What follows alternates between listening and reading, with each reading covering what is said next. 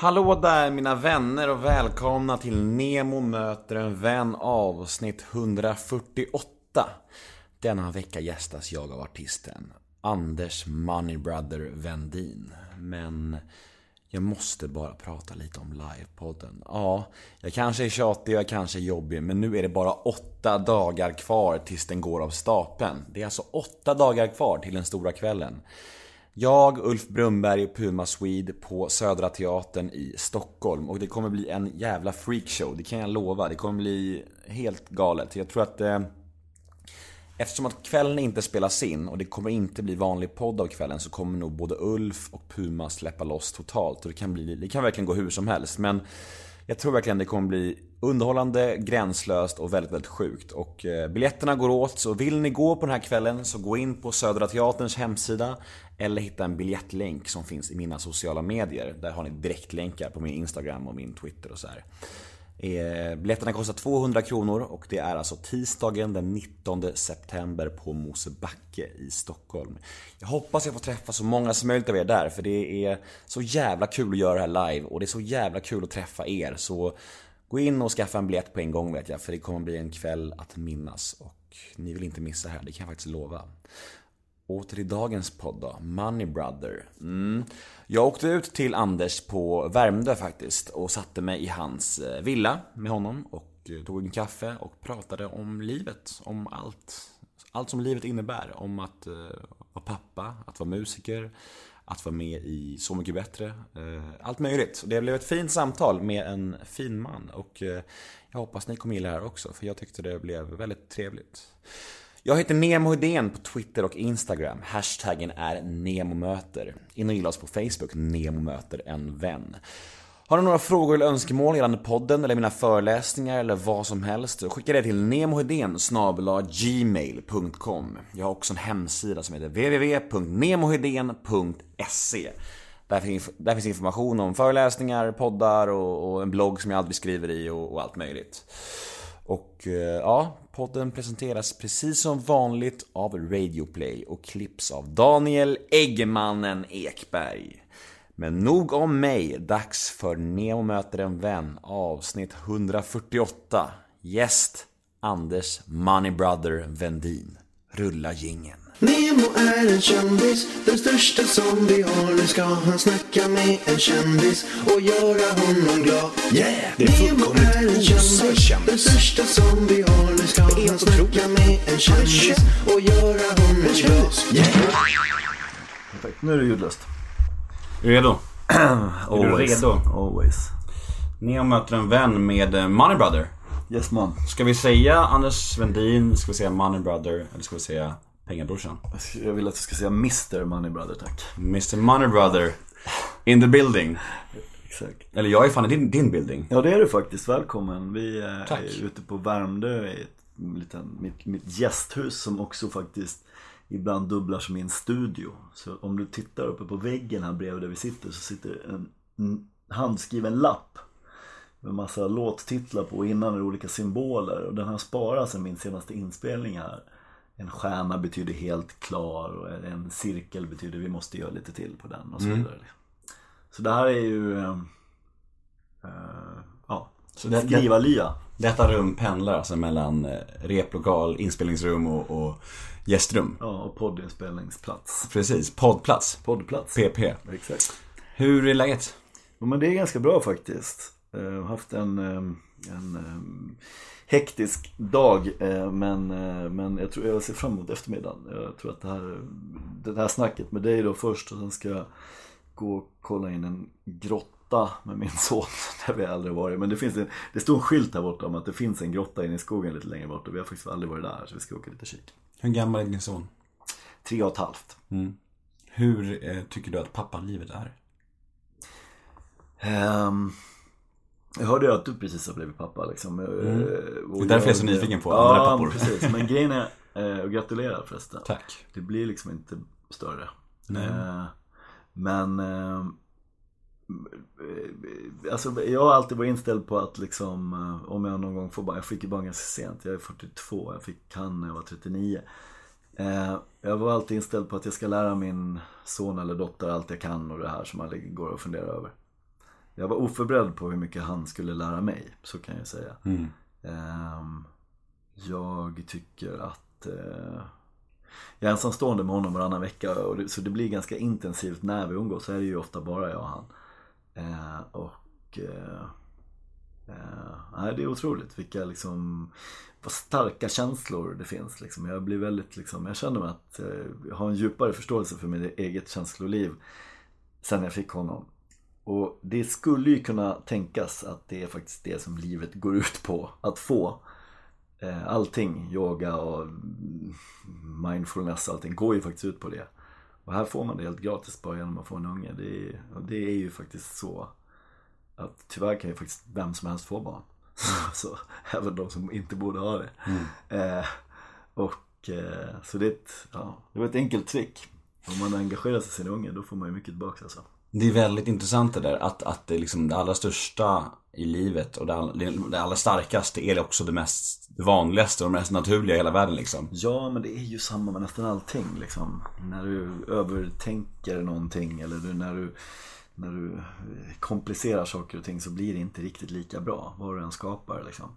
Enklaste maten är den bästa, den enklaste liksom, musiken är oftast den bästa också. Liksom. Och sådär, eh, det fortsätter ju ge. Det är ju verkligen så. Jag är helt inne på samma linje. Jag hade ju fan ingen aning om att det skulle vara så starkt. Nej, Jag tänkte så här, fan det kommer säkert vara mysigt och, och, och kännas så här nice. Men alltså det här, just det här starka känslorna. Och folk, och hon är bara fyra månader min dotter. Och alla bara säger så här, det kommer bara bli starkare. Ja, det, det är väl så. Och jag kan tänka mig som, som kvinna då eh, att du får någon slags period på de här nio månaderna när du bär ditt barn. Där du långsamt mentalt liksom, alla som har varit i närheten av en gravid tjej vet ju att det är ju någonting som händer liksom. Och du ser ju det när du går bredvid och är kille liksom. Men du kan inte fatta det. Du märker ju att det är något.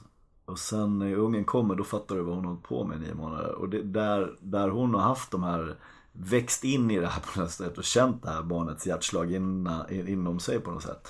Så blir man ju som pappa liksom, det, kommer, det blir så jäkla noll till hundra. Man går ju och tror att man är med i den här graviditeten. Eh, men det är, jag läste en bok om det, som var, det var så fint sagt. Man är en sån som väntar. Så just nu runt liksom jordklotet så går det omkring massa grabbar som är såna som väntar. Ehm, för man gör ju ingenting fysiskt åt det. De- Många killar håller på att bygga om hemma under graviditeten för att bara få göra någonting. Liksom. Jag tänker på Olle Ljungström-låten. En sång för någon som väntar. Ja just det, han har gjort Kanske, det kanske handlar om är det. pappor. Ja precis, har han ungar Olle Ljungström? Nej det har han inte. Ja, Han hade inte det. Men... Nej. Eh, är det en sorg för, för dig att, att ni inte lyckades eh, hålla ihop det?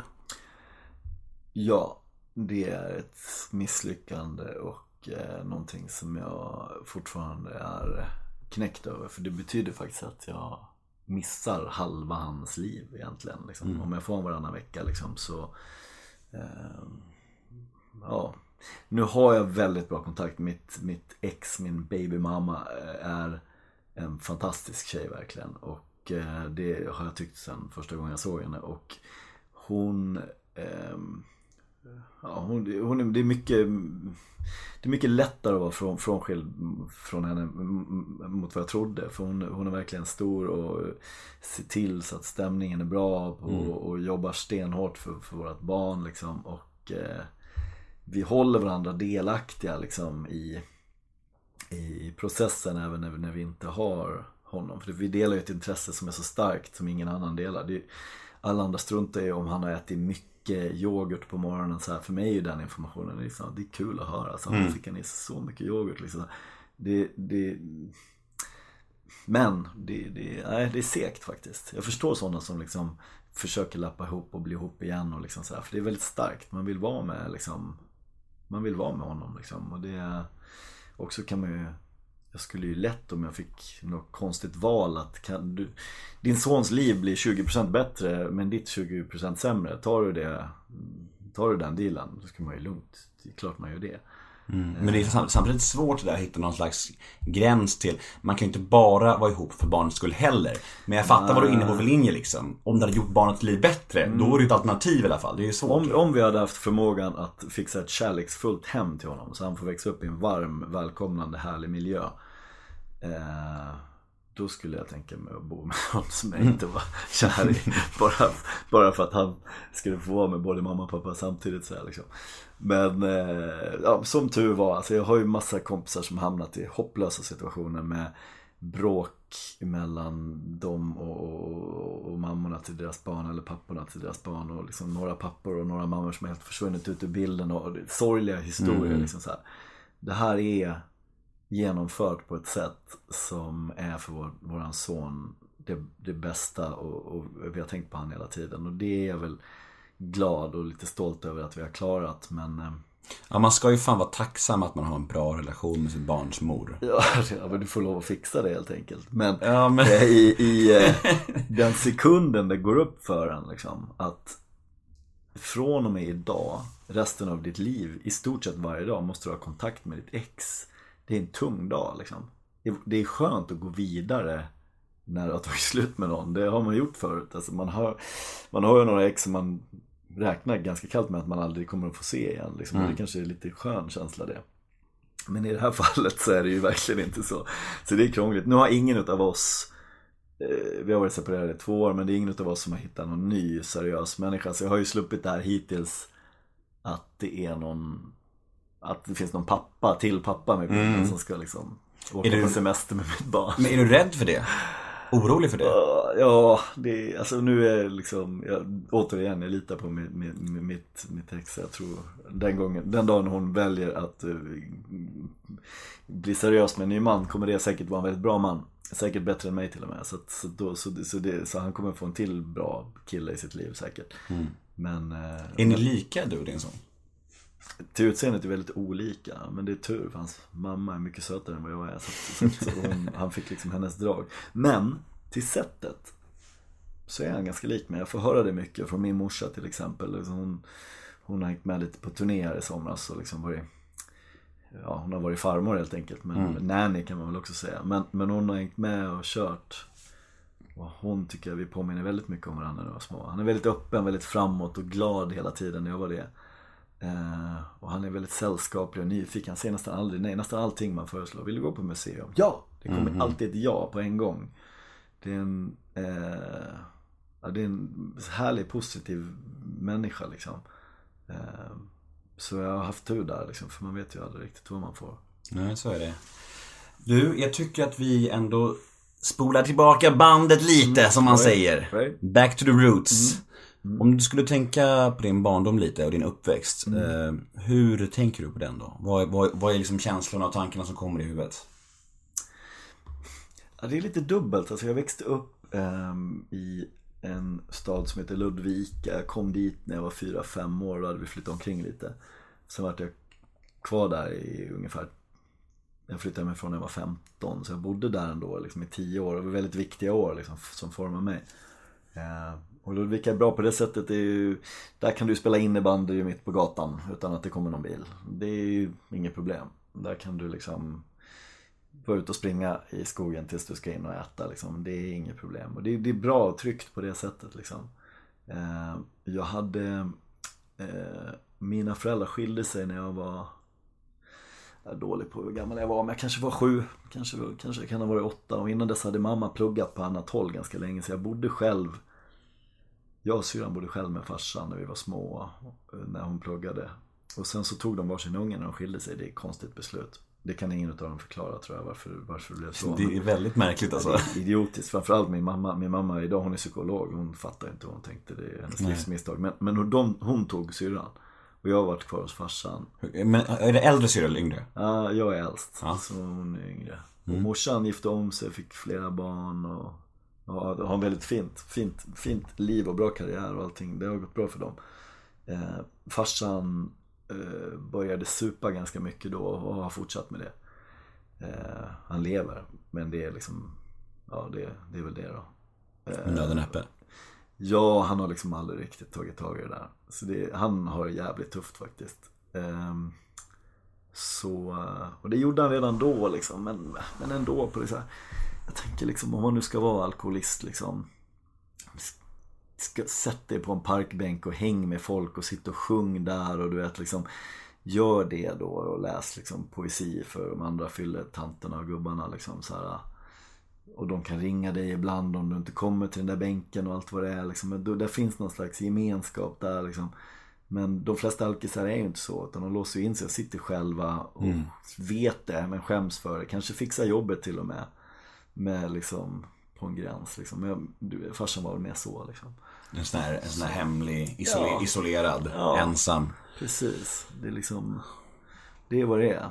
Men eh, eh, Ja men jag, jag, jag hade liksom Jag hade tur där så jag kom iväg ganska tidigt hemifrån så att jag liksom Jag har- fick en väldigt lång ungdom som var väldigt kul Jag hade det väldigt roligt. Jag flyttade Jag flyttade från Ludvika till Falun som är större stad Började spela mycket band liksom jag kände att jag hade en viss begåvning liksom redan där. Att liksom, man skulle kunna, jag hade aldrig räknat med någon musikalisk karriär men jag kände liksom alltså att folk kom och kolla, man fick uppmärksamhet och det är väl det man vill ha. Mm. Jag hade det inte så dåligt. Jag hade det väldigt tråkigt kanske. Det var inte så mycket man brukar säga att det är liksom jobben som får folk att flytta till en stad och det är kulturen som får dem att älska staden. Och det kanske var lite, den sortens kultur som jag var ute efter, den fanns inte så starkt representerad i Ludvika. Nej.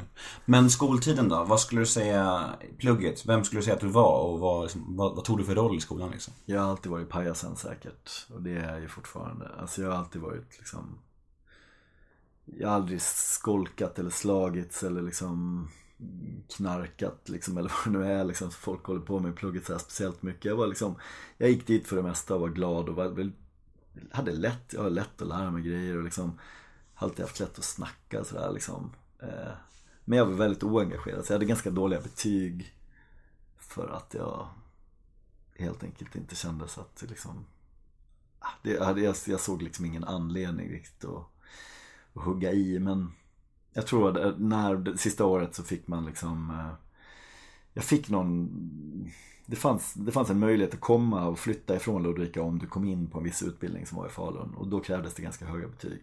Så jag högg i där sista året, det var väldigt enkelt för mig att göra det då kommer jag ihåg. Så jag höjde väl egentligen i allting egentligen och kom upp i någon nivå så att jag kunde få komma in där. Men det här med att du var pajas då, är, är det någon sån här roll Alltså för dig, var det en roll du tog, tog på dig för att få den bekräftelsen som inte du kanske fick av din pappa? Eller finns det någon koppling där tror du? Jag tror många liksom alkoholistbarn är liksom är lite samma grej. Du blir liksom en mood manager som man säger nu för tiden i ditt eget hem liksom. Jag har en till här. Ja, exakt. Exakt samma. Ja, man får ju se till så att liksom Ja, det är hopplöst när det är dålig stämning så ibland fick du liksom rycka igång kalaset hemma, ibland fick du liksom försöka bromsa ner lite och liksom Du blir väl en, du blir väldigt känslig för vibbar och sådär liksom. Och jag har fortfarande till idag liksom vissa grejer eh, Om det är någon tjej som vill göra mig liksom eh, vill, vill sätta liksom lite tryck på mig i relation eller a silent treatment, det funkar ju väldigt bra på mig. Det är ju liksom, alltså när någon slutar svara i telefonen och sådär liksom, det, det, det kryper i kroppen som är mycket större än det faktiska grejen som den här personen gör mot mig. För det ligger i bakryggen, i bakhuvudet så här, hur jävla jobbigt det är när någon när någon liksom inte låtsas om att man finns där liksom, när någon liksom bara eh, ja, inte tittar på en eller inte liksom, ja du vet ignorera en liksom. Shit man, alltså det, det var inte så länge sedan jag var med om det nu så jag kände, det, jag bara fan det här finns fortfarande kvar. Alltså, här, här borde jag kunna rationalisera bort men men det är där, så, men, så det är klart, det var ju kul att komma till skolan, liksom massa folk och liksom Det kan framstå liksom som att jag var lite bråkig kanske i skolan ibland för att jag pratade så jävla mycket Men jag tror liksom de flesta lärare ändå såg att det var liksom någon slags Det var någon slags positiv liksom bubblande clown mer än att det var en, liksom en Det fanns en grundgodhet. Jag tror det Ja. Jag vill, jag, jag, så, jag har liksom aldrig varit den, den mobbande typen liksom sådär.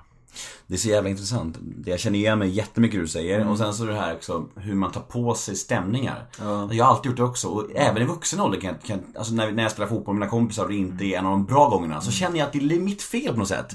Du vet så här, om, om man är med några kompisar och går på en dålig bio eller så här, eh, saker som inte alls är mitt fel. Men ändå så här känner jag att jag har ett ansvar att, att gänget ska ha kul. Alltid. Vad fan är det för skevt egentligen? Det kan vara till och med liksom så diskussioner med, jag kommer ihåg jag var i någon, på ett bröllop i, i det var i Kalifornien någonstans, liksom, vad kan vara, var det här någonstans? Ja, det var liksom inne liksom i öknen där någonstans och liksom brudens pappa var gammal Vietnamveteran. Och han sitter med sina två polare och, och någon whisky där och liksom jag hamnar med dem på något sätt. Och de sitter och pratar, alltså du vet, det här är ingen liksom Ingen skön miljö. De här tre gubbarna är ju obehagliga män som sitter och pratar om obehagliga grejer och har hemska åsikter. Liksom. Och på något sätt liksom, så sitter jag där och lyssnar på dem ett tag och bara, för jag bara häpnar. Liksom, så att, liksom, så, vad de säger. Liksom. För mig i Sverige har man så sällan liksom, den graden av Kan du ge exempel på vad de Ja sa? men typ? det här var ju liksom, de rättfärdiga liksom, de rättfärdigade Vietnamkriget på ett sätt som liksom man inte, det har man inte hört någon göra i verkligheten liksom. Och tyckte väl liksom att det är samma grej de gjorde, det här gick väl egentligen och, och det skulle man väl kunna göra på varenda jävla land egentligen. Vi åker dit och bombar de där jävlarna så att jag fattar inte vad det ska vara något problem. Och, och det var det minsta jävla, ja, jag vet inte, de var inne på, jag tror att de var inne på bo- bomba då, då var det Danmark av någon jävla anledning, för det var någon dansk där som de inte gillade direkt liksom. Så, ja men det är ett land som liksom kan vi bomba? Men fan, får bomba Danmark? Det är liksom, vad är det? det vad sitter jag och pratar? Men på något sätt liksom, så är jag liksom, jag bara satt, sitter där tyst och liksom, så är jag så dåligt jag är, så, jag är så- jag är så rädd för att skapa dålig stämning så jag inte ens liksom säger emot de här männen. Men, men, men jag väljer kanske att tänka att jag väljer mina strider. Vad ska jag sitta med de där gubbarna för? Och det, det, deras, deras konstiga liv där ute på, i öknen. Om de känner någon glädje av att sitta och gnälla där så kanske de måste göra det. Liksom. De, har, de är orelevanta nu för tiden. Liksom. Ja. Eh, förbrukade stackare.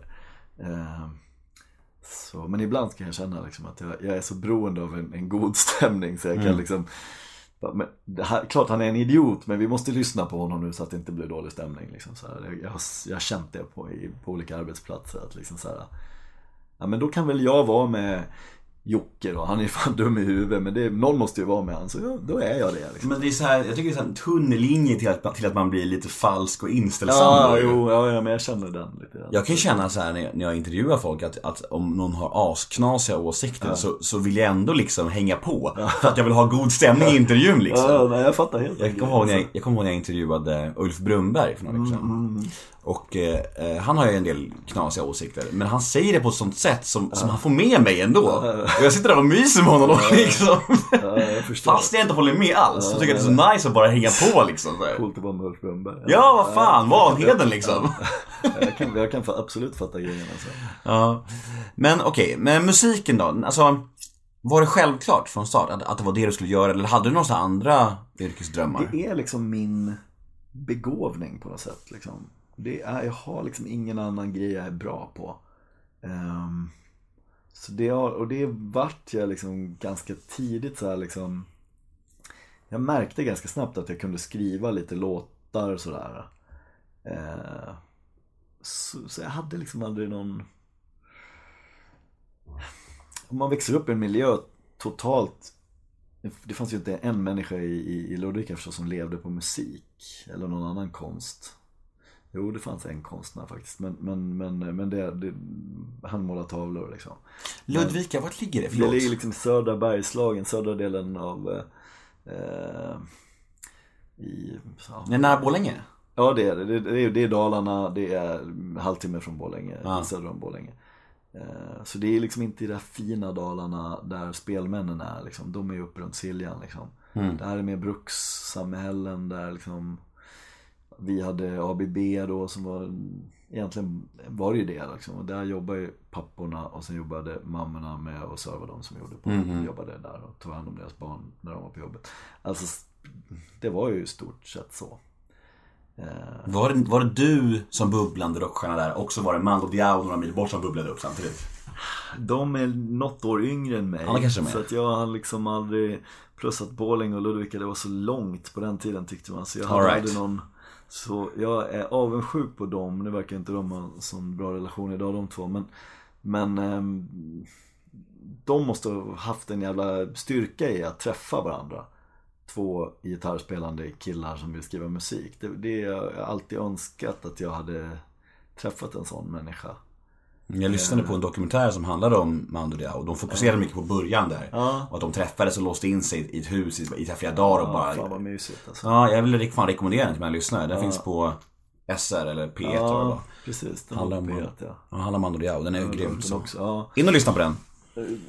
Och det måste ha varit kul för dem liksom. Hade ju varandra rygg mot rygg liksom. Borlänge var bråkigt på den tiden. Och där kunde ju de hålla på med sin grej liksom. Jag hade inte riktigt en sån person.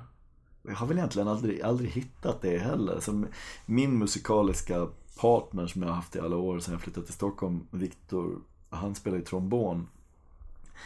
Och det är så jävla konstig liksom, duo, en gitarr och en trombon. Det är så jävla lite musik du kan göra med det. Om man är liksom, jag är riktigt risig på gitarr, han är, han är grym på trombon men det är ändå liksom det blir ingen bra.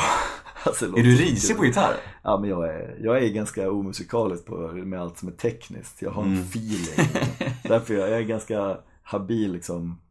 Jag skulle kunna vara en bra gitarrist ifall Ebba Grön skulle återförenas. Så här, liksom, man spelar sådana riff liksom. Så det, där, där får jag det att låta bra liksom.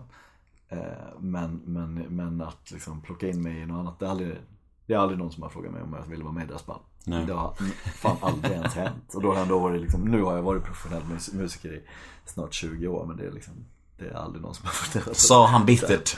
Ja, det är tråkigt för alla jag har spelat med och nu också, alla är som är med, om man säger det bandet som jag brukar lira med nu. Alla i mitt band är ju med i 6-7 band. Mm. Men, eh, men jag har alltid bara haft ett. Mm. Så jag, jag tror jag är så pass risig så jag måste skriva mina egna låtar för att få hålla på med det här. Men det är jätteintressant. Jag, jag har sett det där. Min, min, min farsa spelade ju i Weeping Willows förut i 12 år. De 12 första åren spelade han klaviatur i, Weeping Willows. Är det sant? Eh, Mats Hedén heter han. Pappa Mats? Mm, Precis! Pappa Mats, det är min Är farsa. det din farsa? Ja, det är sant. Respect, vilken jävla grej. Han är en legend. alltså kul att du vet det. Shit man, vadå vet det? Whipping Willows, det är mitt favoritband. Det är, jag känner ju han lite, lite, lite grann också. Jag är ju god vän med nästan alla andra i Whipping Willows. Så, så, så, jaha. Ja, jag spelade med Whipping Willows senast bara för en vecka sen kanske. Är det sant? Ja, ja, Världen är liten. ja, ja gud. Men då tänkte jag på det, när jag såg häromdagen såg jag att, att, att, att trummisen i Weeping, Anders då, han spelar ju med Lars Winnerbäck, med Thåström, alltså med flera stycken. Han har bra år nu han. Ja, det går bra för honom. Ja, han, liksom, han betar av liksom Sveriges tre största artister Ja, det är ingen dålig trio. Ja, fan. Han är också, han spelar ju faktiskt på eh, It's been hurting all the way with you Joanna som Är det så? min andra singel som fortfarande är en av mina mest populära låtar. Det är han som spelar trummor där. Fan vad coolt, Han visste, visste inte det? Jo, han, han var med på två låtar på den skivan och spelade. Bra låt. Ja, tack. Ja, grym. Eh, men han, är, han skriver ju också de flesta utav Weeping Willows största hits. Det är han som har gjort Broken Promised Land, det är han som har skrivit. Han har skrivit den där sista, senaste hitten de har på sista skivan här. Ehm, och eh, väldigt trevlig kille faktiskt. Mm, han är grym. ja, cred till honom. För vi skulle, nästa punkt var ju faktiskt eh, genombrott och sådär. När, har du några milstolpar liksom som du känner så att Du pratade om It's been hurting. Vad- Kan du säga var den låten någon slags Ja, genombrottskänsla men egentligen över? den liksom som kom innan Reconsider Me som var min första singel. Mm. Det var ett sånt gammaldags klassiskt genombrott att liksom, den kom 2003 eller 2002 kanske. Eh, när den kom på radio så plockade radiostationen upp den och spelade den jättemycket. Och sen började den spelas utomlands i Tyskland och ganska mycket där på också på första. Så från 2003 till 2006 så var det liksom ett ganska långt utdraget genombrott bara. Liksom. Mm. Det bara smällde här och där. Det var bara att åka och spela. Vi spelade 100 spelningar om året, hade samma band hela tiden. Och var fruktansvärt samspelt där liksom, på ett jävligt härligt sätt faktiskt. Det är det roligaste som finns. Mm. Eh, och vart vi än kom så var det så här lite konsensus liksom. Det är innan de där första åren då kan alla fortfarande sluta upp runt ett band och gilla dem. Liksom, så här, i, I Sverige är ju lite annorlunda mot nästan resten av världen.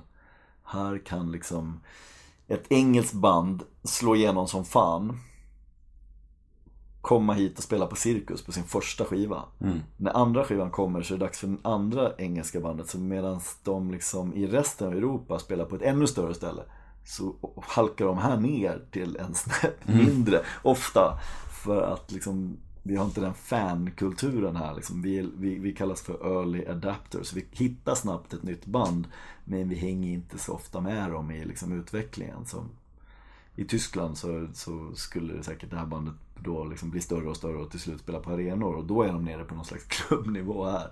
Eh, men de första åren där, för mig också, så gick det bara bättre och bättre. Och det var liksom Det tog man nästan för givet sen liksom så här, det här går, vad jag än gör så kommer det här bli väldigt, väldigt bra.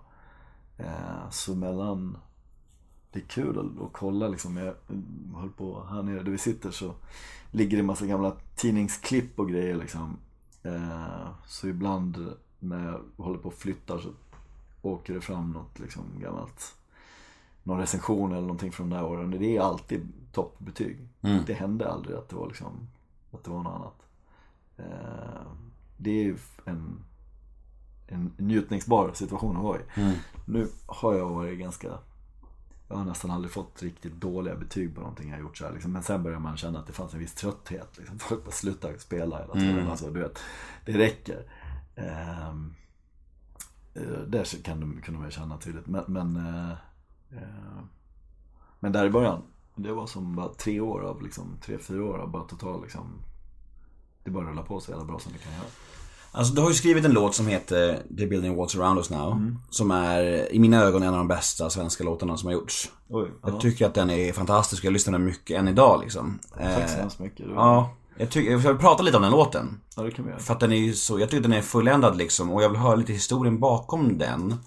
Eh, hur, det var när du skrev den och så här och sådär. Kan du berätta lite om den låten? Alltså, den här låten, det var en Robin-låt som heter Keep the Fire Burning eller någonting sådär. Just det.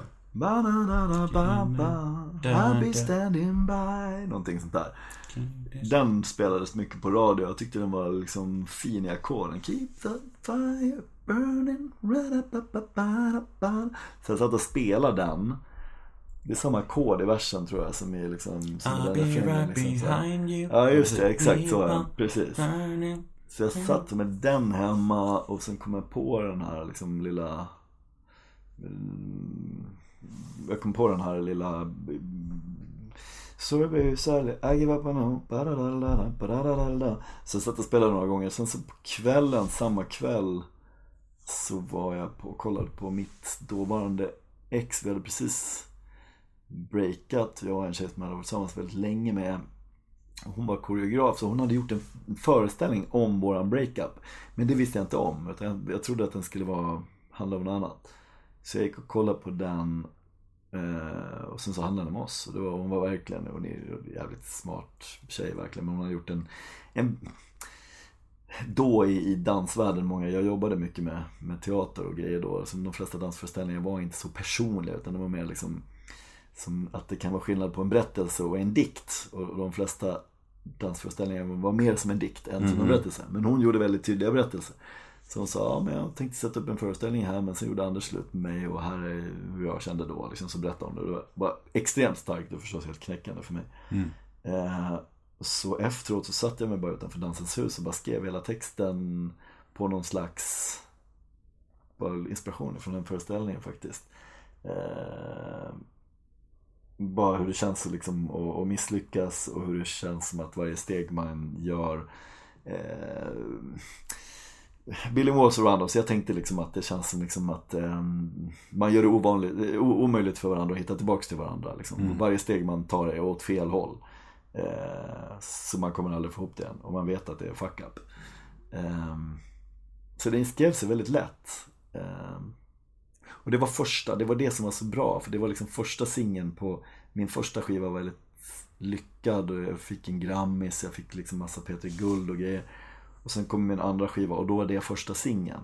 Och det var sånt läge att komma med en smash. Det är det man beundrar med, med band som Coldplay eller Kent eller något sånt där som är här hitband som liksom skiva efter skiva så kommer en jävla smash till liksom. Så bara, oh shit, du fick en till hit. Så det är så snyggt levererat. För det är, inte an, det är väl andra plattan som egentligen är svårast? Jo, man brukar ju säga det. Och, och, och lyckas man få till sin andra platta så pass som jag fick där liksom, så då, då kan det liksom eh, då kan du leva på det ganska länge. Alltså då, då har du byggt en ganska stadig grund liksom. Ja, det känns som att, alltså nu kanske jag bara nybörjare spekulerar. Men en, platt, en bra platta kan de flesta, eller många få till. Men två bra plattor så, mer, så blir det etablerat på något sätt. Ja, precis. Så, så, det, jag ser det verkligen så. Liksom. Jag, och jag märker liksom några utav mina kollegor som kanske gjorde en svagare andra platta men sen liksom kämpade på att det, det, det, det har tagit lite längre tid för dem. Typ vilka? Det kan jag inte sitta och säga. Du kan, säga, du kan säga det mer efter kanske. Skriver en lapp och skjuter över den här nu. Ge mig lappen. men, eh, men, men, men, men, det var nog bra. Men sen efter det så släppte jag den, det släpptes en svensk skiva då, Pengabrorsan skivan som eh, också hade en stor hit som heter De vet ingenting om oss på. Så när de tre kom i rad där så kändes det som att då var det liksom från och med det så känns det som att hur dåligt det än går så kan jag ändå liksom komma, få lite mer betalt än en vanlig trubadur när jag åker till Arboga. Och får man det så kan man ju make a living. Mm. Så det handlar om att liksom jag var inte helt säker på att jag skulle liksom hålla på med musik hela livet så här, men jag, nu känner jag att så här, fan jag vill att min, min son ska ha en liksom glad och inspirerad pappa och det är musik liksom när jag får hålla på med det, det, är, det är då som det är det är den magiska dimensionen som vi har i livet. Så jag, så jag vill göra det. Och det verkar liksom Jag har ju egentligen varit pappaledig i tre år så, att, så, så det verkar som att jag bara kan fortsätta liksom. Jag kan bara åka omkring Spela lite akustiskt här och där och liksom ekonomiskt klara mig bra ändå. Ehm, Jag vill ändå dröja kvar lite vid den här låten. Ja. Eh, För att jag blir så nyfiken på, när man skriver en sån här smash, som du beskriver det. Vet man själv när man skriver det att det här är en bra jävla låt? Eller kan man aldrig veta vad som blir en hit? Jag tror du kan det om du har, har. Jag, jag tror liksom eh, Jag tror Rihanna vet När Rihanna håller på med sin nya skiva och sen så bara sitter de där och sen lyssnar de igenom den i studion så bara Okej Varsågod världen, här kommer den liksom Med mig eh, När jag hade gjort den och när jag såg videon som vi gjorde då Så tänkte jag så här, det här måste ju fan gå bra. Det här är liksom anmärkningsvärt bra om man jämför med liksom låtar som jag har släppt tidigare som ändå har klarat sig. Liksom. Så, så jag trodde det och det vart så. Men efter det har jag igen liksom tänkt så här. Fan det här blir nog en hit och så har det inte blivit det. så, liksom, så, så det är ju också liksom i, om du, om du tänker dig tillbaks då, då 2005 eller vad det var när det kom. Då var det ganska coolt att vara så här, en kille med gitarr som spelar lite musik. Liksom så här. Det, det var lite häftigt ändå. Liksom. Det är eh, inte riktigt så nu. Ja. Så att det är liksom det är också tiden då, för då tyckte jag man liksom, fan det är lite coolt med någon som är liksom, nästan som Håkan Hellström fast sjunger på engelska. Så här, liksom, det, var lite, det var lite häftigt. Så här, nu är det ju Nu hör man ju inte direkt gitarrer på radio överhuvudtaget om man lyssnar på de vanliga stationerna tror jag. Så det är liksom, det är en liten modig grej också. Eh, och det är inte, och jag är inte liksom, jag skriver ju och gör musik under en slags konstnärlig flagg. Så jag har ju liksom inte liksom tagit in liksom rappare och trummaskiner så för att jag tänker att det kanske ska liksom slå på det sättet. Utan jag gör ju, jag försöker ju vara sann. Liksom. Mm, Listen to your heart som Per Gessle säger. Jag försöker ju liksom lyssna på hjärtat och se vad det är för musik där och göra den musiken. Eh, Och efter andra plattan så bröt du dig loss va? Startade eget skivbolag, var det inte så? Ja, typ i alla fall. Vi hade, hände? vi hade väldigt risigt skivkontrakt liksom med det skivbolaget. Så jag sålde ju faktiskt flera hundratusen skivor där de första två i över hela Europa. Men fick liksom inga pengar alls. Och då är det, snackar vi faktiskt inga pengar. Det var verkligen liksom då när jag kom på det så, så här, fan någonstans är det ju någon som får pengar. Och de hade optioner på tre skivor. Så man, man, man signar inte för liksom skivor, man signar för optioner på skivor för att bandet ska inte kunna komma med vad som helst och, bara, och du är tvungen att, att släppa det liksom. Vad betyder option? Ja men alltså skivbolaget har en option, du, du, du levererar din platta och så säger de så här, ja tack. Okej. då liksom så. Så de kan säga, nej gör om, gör rätt. Ja, Mm. rent hypotetiskt skulle de kunna göra det. Liksom, att det, liksom, det här är ju ett skämt, det här är Mm. ingen skiva. Liksom. Men säger de nej till det så, så, så, så, så förbrukar de ju skivkontraktet, kan man ju tolka det som. Men om de säger nej till din tredje platta, kan du släppa det fritt då? Ja, Ja. och det gjorde ju jag med min tredje platta. De sa nej till den? De sa nej till den. Okej. Och Och det vart ju by far min mest säljande. Jag har dem här inne någonstans faktiskt. Jag har guldskivor för alla mina fyra första skivor. Fem första skivor till och med. Men för den tredje har jag en platinaskiva. Vadå, så Pengabrorsan sålde mest? Ja, ja, ja. Är det sant? Överlägset. Och jag drog in den efter en månad. Så den sålde bara en månad. Men den sålde, dubbelt så mycket som alla andra mina skivor. Okej. Bara på en månad. Fan vad coolt. Ja. Och på mitt egna skivbolag helt utan att någon videobudget eller någonting. Så jag känner, det är därför jag sitter i det här huset nu. För att alla mina pengar som jag tjänar överhuvudtaget kommer från den plattan. Så det var liksom payback time. Så det gjorde egentligen ingenting att jag inte fick någonting för den första. För jag fick rubbet för tredje.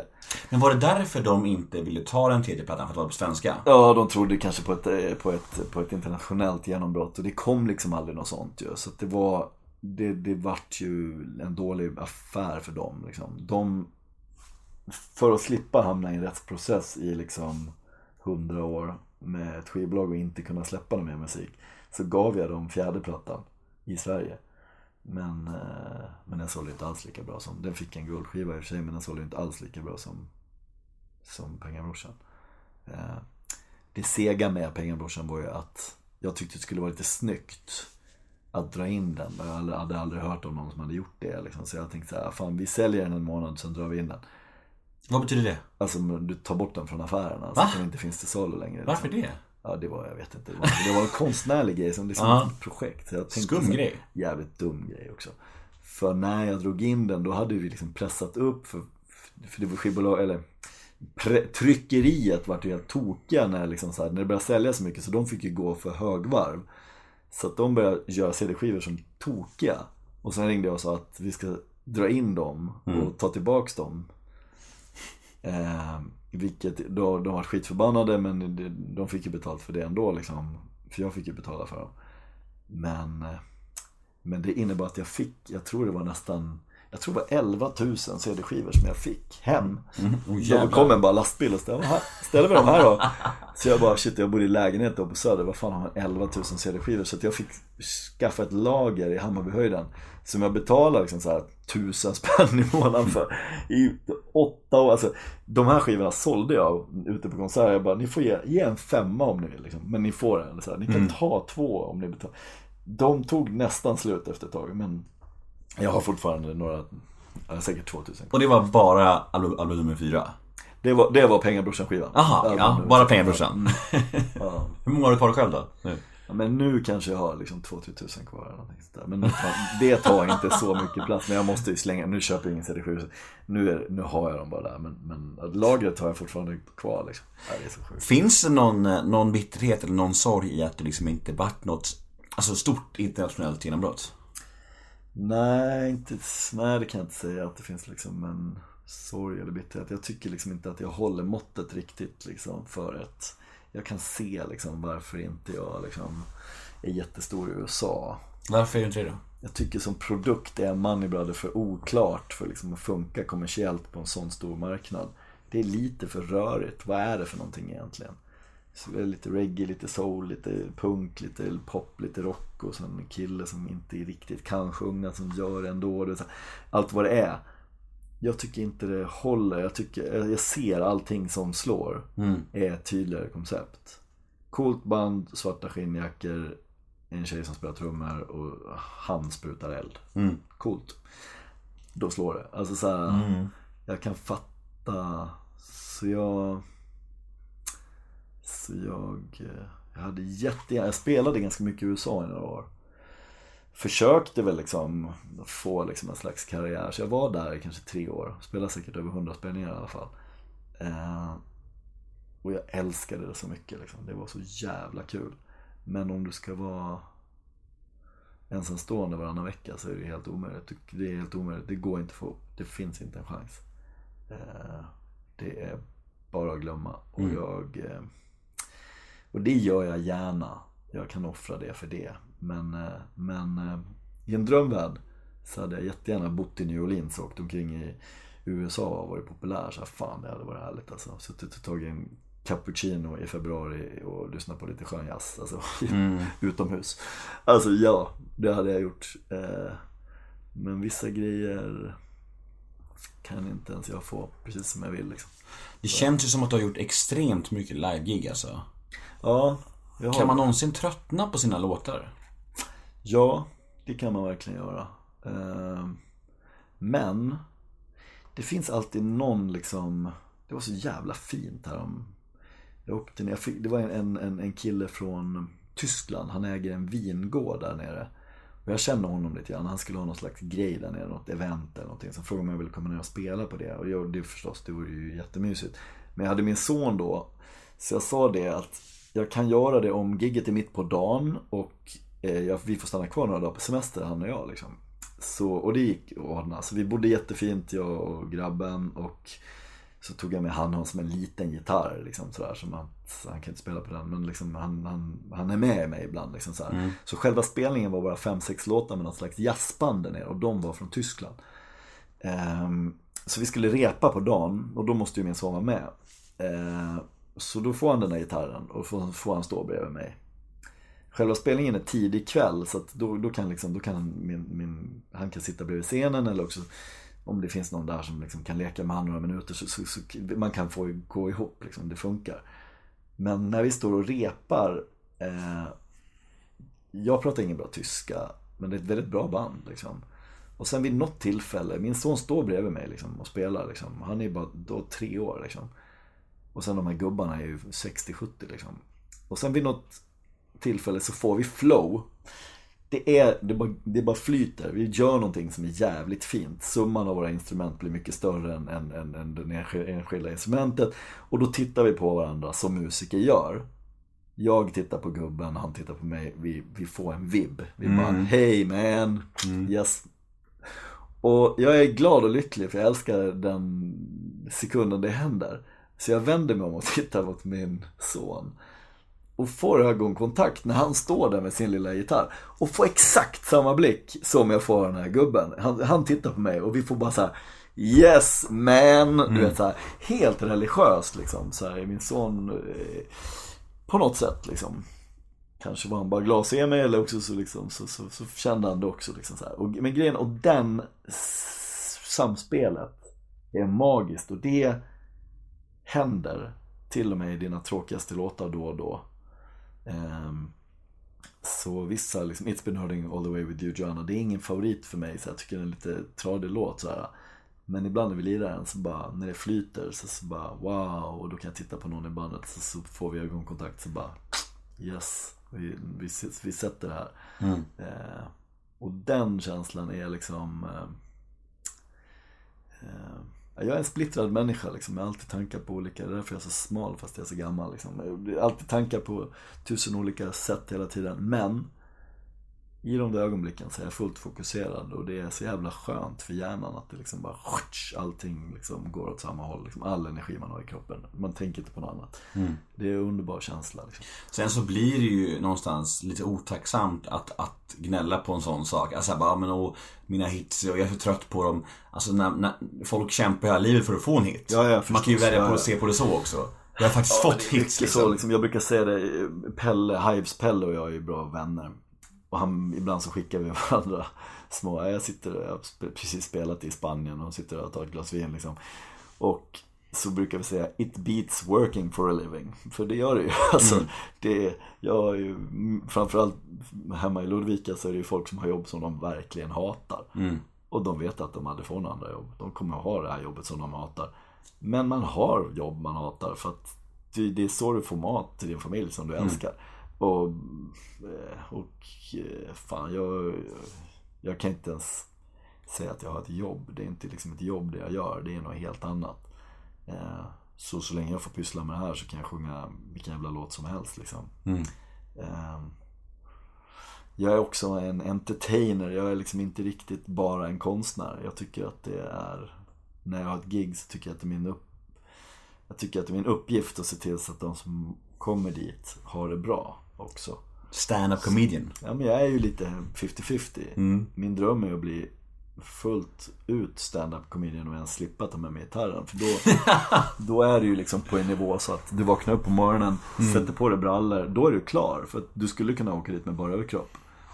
Alltså, för du har ju press på dig nu här hos mig. För att jag, jag, vår gemensamma vän Johan sa ju, jag frågade honom så här, Vem som är den bästa storytellern han känner. Då sa ju han att det är Money Brother. Ja, om jag skulle behöva så kan jag berätta stories väldigt, väldigt länge. Ja, det är nästa, nästa, nästa punkt är faktiskt så här. Sitter du på några värsting-anekdoter till Nemo Mötes lyssnare? lyssnare? Ja, shit alltså. Grejen är att en sak som man samlar på sig från ett turnerande liv sådär är ju liksom anekdoter. Och du hör ju folk berätta. Så jag samlar ju lite grann liksom. Så jag, jag älskar det när man träffar någon som är liksom när det händer något. Eh, så... Det kanske är svårt på beställning. Ja, det är. Men, men, men egentligen, ibland brukar jag säga bara liksom, ta ett ämne, vad som helst. Så kan jag säkert komma på något jättekul som hänt på det. Men en grej som var, jag börjar tänka på det nu för att du bakom dig så har du lite bilder från olika världsdelar. Inte jag som har tagit de där bilderna men, men, eh, men, men längst ner till höger där, över den där rosa tavlan, så är det ett litet kustlandskap och det är Nya Zeeland. Mm. Ehm, och när jag var där en gång så skulle, vi spelade in där. Och efter vi hade spelat in klart så, så, så satt jag mig, eh, vi skulle åka hem, vi var bara där i tre, fyra dagar. Och det var en regissör med som skulle spela in eh, våran, jag skulle dokumentera vår resa till Nya Zeeland. Men det var bara det att det var så fruktansvärt tråkigt. Så här, vi, vi, var i studion och, och, det gick inte riktigt som vi tänkte så vi var där väldigt länge. Liksom. Sen de flyger ner till Nya Zeeland för att liksom, filma en kille som lägger sax i stort sett. Och det var bara så jävla tråkigt. Och du vet, det blir ju inte bättre. Man bara, vi gör något kul då. Alltså det blir inte kul liksom. Så här, vi försökte men det vart inte kul. Så, jag sa till honom, men vi hyr en bil och bara åker lite norrut och tar lite liksom Vi går på lite flow här. Liksom. Mm. Och eh, så vi åker norrut eh, och eh, hamnar i en liten by där vi stannar till på en liten pub som är öppen och vi står och snackar ihop oss. Liksom så här. Och så bestämmer vi oss för att vi ska försöka ragga sovplats där så vi inte ska sova på hotell för då blir det automatiskt någonting som är lite roligt. Så vi frågar runt och de så här, är väldigt förvånade överhuvudtaget att det är två, liksom, vi är mycket yngre än alla andra där inne. Varför vi ska komma hem och sova hos dem, det är verkligen otippat. De bara, nej tack. Men de nickar åt någon gammal gubbe och tant som sitter i hörnet där. De vill säkert, de har en stor farm liksom. Så vi prat, börjar prata med dem och de är väldigt såhär, ja, ja, ja, kom, absolut liksom. Eh, och de åker före. Vi stannar kvar och dricker upp våran bira och liksom äter upp våran mat och sen så tar vi våran bil. Sen är det vänstertrafik och det är en jävligt liten väg in till den där jävla gården när vi väl hittar den. Så jag åker i diket och ställer mig så jävla illa. Så ingen kommer kunna komma vare sig ut eller in på den här vägen längre. Och det är enda vägen förstås in till gården. Så jag skäms ju som ett djur för att gå där med våra mobiltelefoner fram till farmen och så här. Och de är jätteglada först att ses. Så jag bara, I'm sorry, jag har ju liksom kört ner ert staket. Står med bilen över vägen och de bara, ja men det är ingenting vi kan göra nu så ni får komma in. Och de här eh, människorna bjuder oss på massa sprit och de har liksom, det, det är någon grej, jag röker väldigt sällan weed men de har gjort något eget weed som ska vara fantastiskt och bara, vad fan vad är det? Jag är gäst så visst, absolut. Så vi kör på där inne och sen så blir liksom stämningen mer och mer sexuell. För de här liksom, eh, de börjar prata mycket om liksom sex, den här gubben och tanten. Och, det, de är liksom, jag menar jag har ändå varit turnerande musiker i hundra år. Men det här är liksom historier som jag aldrig ens varit i närheten av. Det här är liksom tjejer och killar om vartannat liksom överallt. Och du vet, så här, liksom, jag bara wow, du vet, så här, respekt ändå liksom, för att de håller fanan högt. Liksom. Men det är ganska tydligt att de vill att det liksom, ska bli någon slags eh, gruppparty här med, med oss två. Liksom. Vilket vi så här, inte riktigt är liksom, som med på. Liksom, så här, och eh, ja, de... Det blir väl så till slut i alla fall att de här gubben och tanten liksom eh, de vill i alla fall att vi ska vara med på något sätt och sitta och Säger det rakt ut? kika. De vill att vi ska titta på dem. Och jag är obekväm som fan i det där även om vi är väldigt berusade. Så vi lyckas liksom eh, smyga iväg och, och, och, till en eh, till en kille som, som, som vi har träffat på tidigare som är en sån, han är någon slags gårdsman där liksom. Så vi springer över till hans hus och frågar liksom, och han öppnar och vi förklarar sitt, han fattar ju direkt, det här är väl ingen helt ovanlig situation. Så vi får sova inne i hans liksom ungkarlslya där istället. Och det är ett rum, vi får sova i samma rum som han liksom. Så vi ligger där på någon soffa och jag lägger mig på golvet och han ligger där på sin säng och snarkar. Och jag känner ändå så här, fan, det här är ju bästa natten i mitt liv liksom.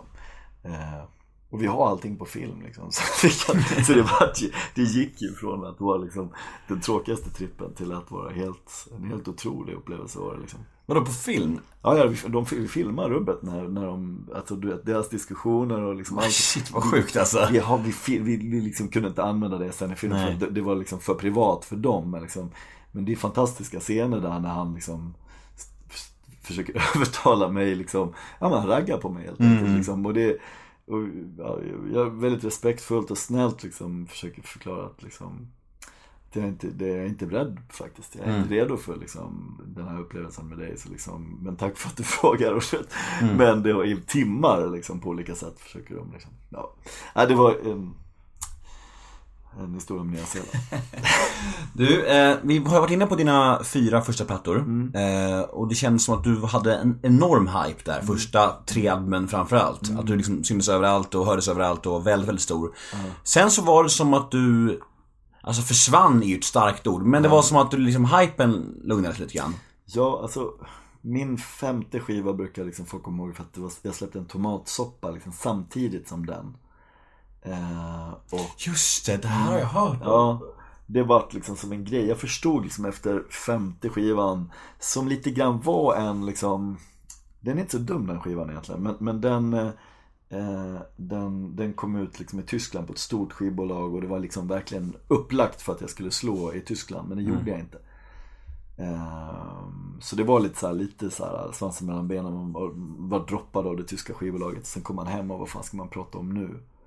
Så då gjorde jag och en kompis en tomatsoppa samtidigt som vi släppte den. Alltså, tomatsoppa? Ja men det var liksom en idé att liksom i intervjuer, alla säger liksom så här, det är så tråkigt att intervjuer så här liksom, men det går, går ju åt båda håll. Vad fan ska du fråga en, en kille som släpper sin femte skiva? Vad, vad ska man säga liksom?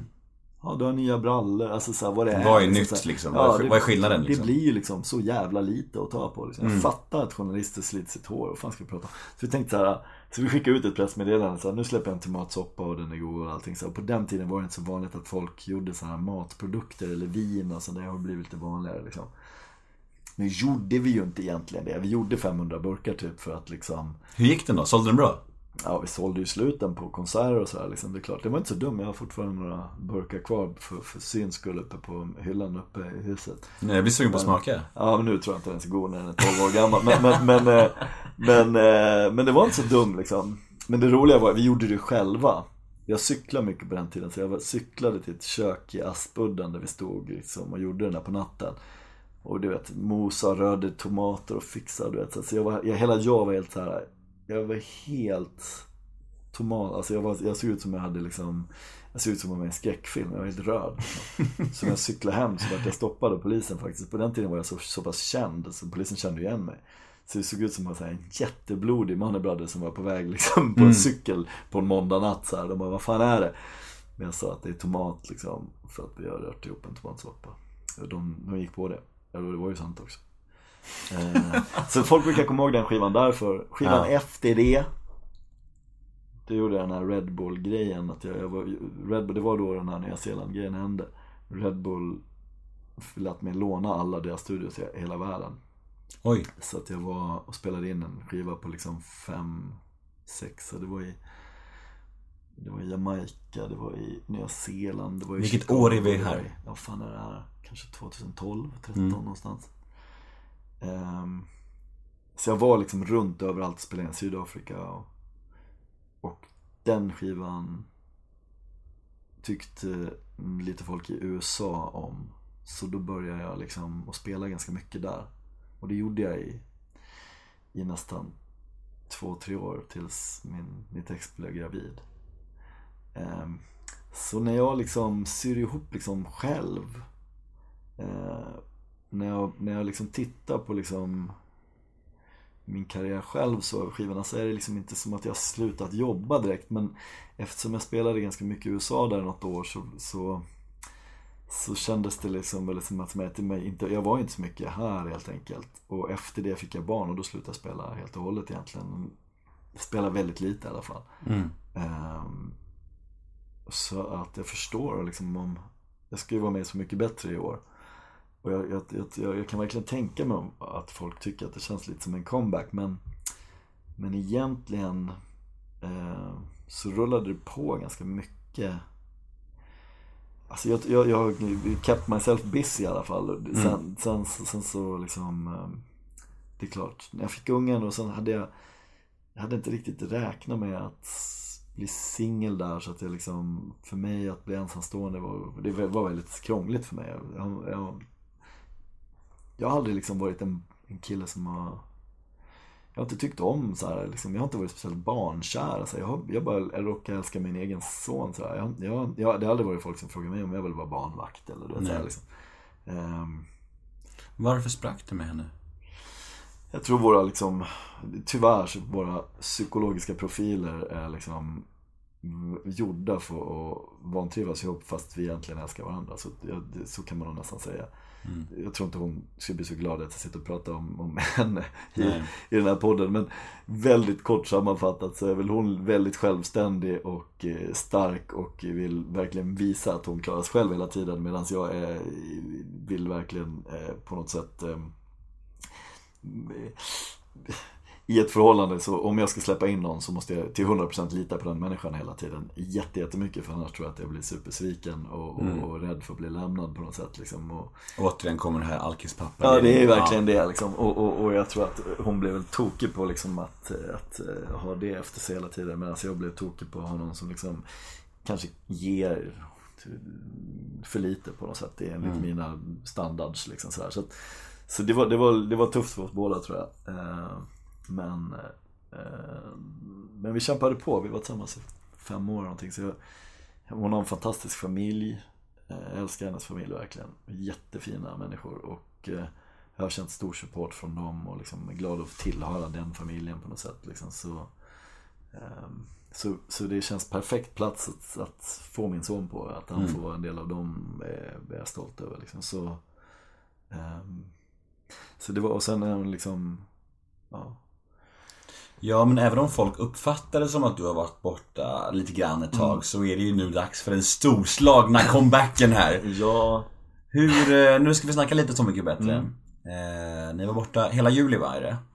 Ja, juni. Man, det, det, är liksom tio dagar i juni som inspelningen har varit för mig. Och då mm. så har det nog alltid varit för dem också.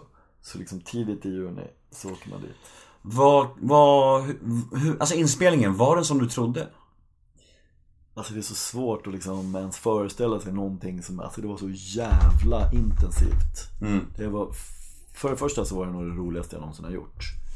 Och jag som är liksom lite intresserad av, jag är ju resor och nya upplevelser och allting, det är min grej.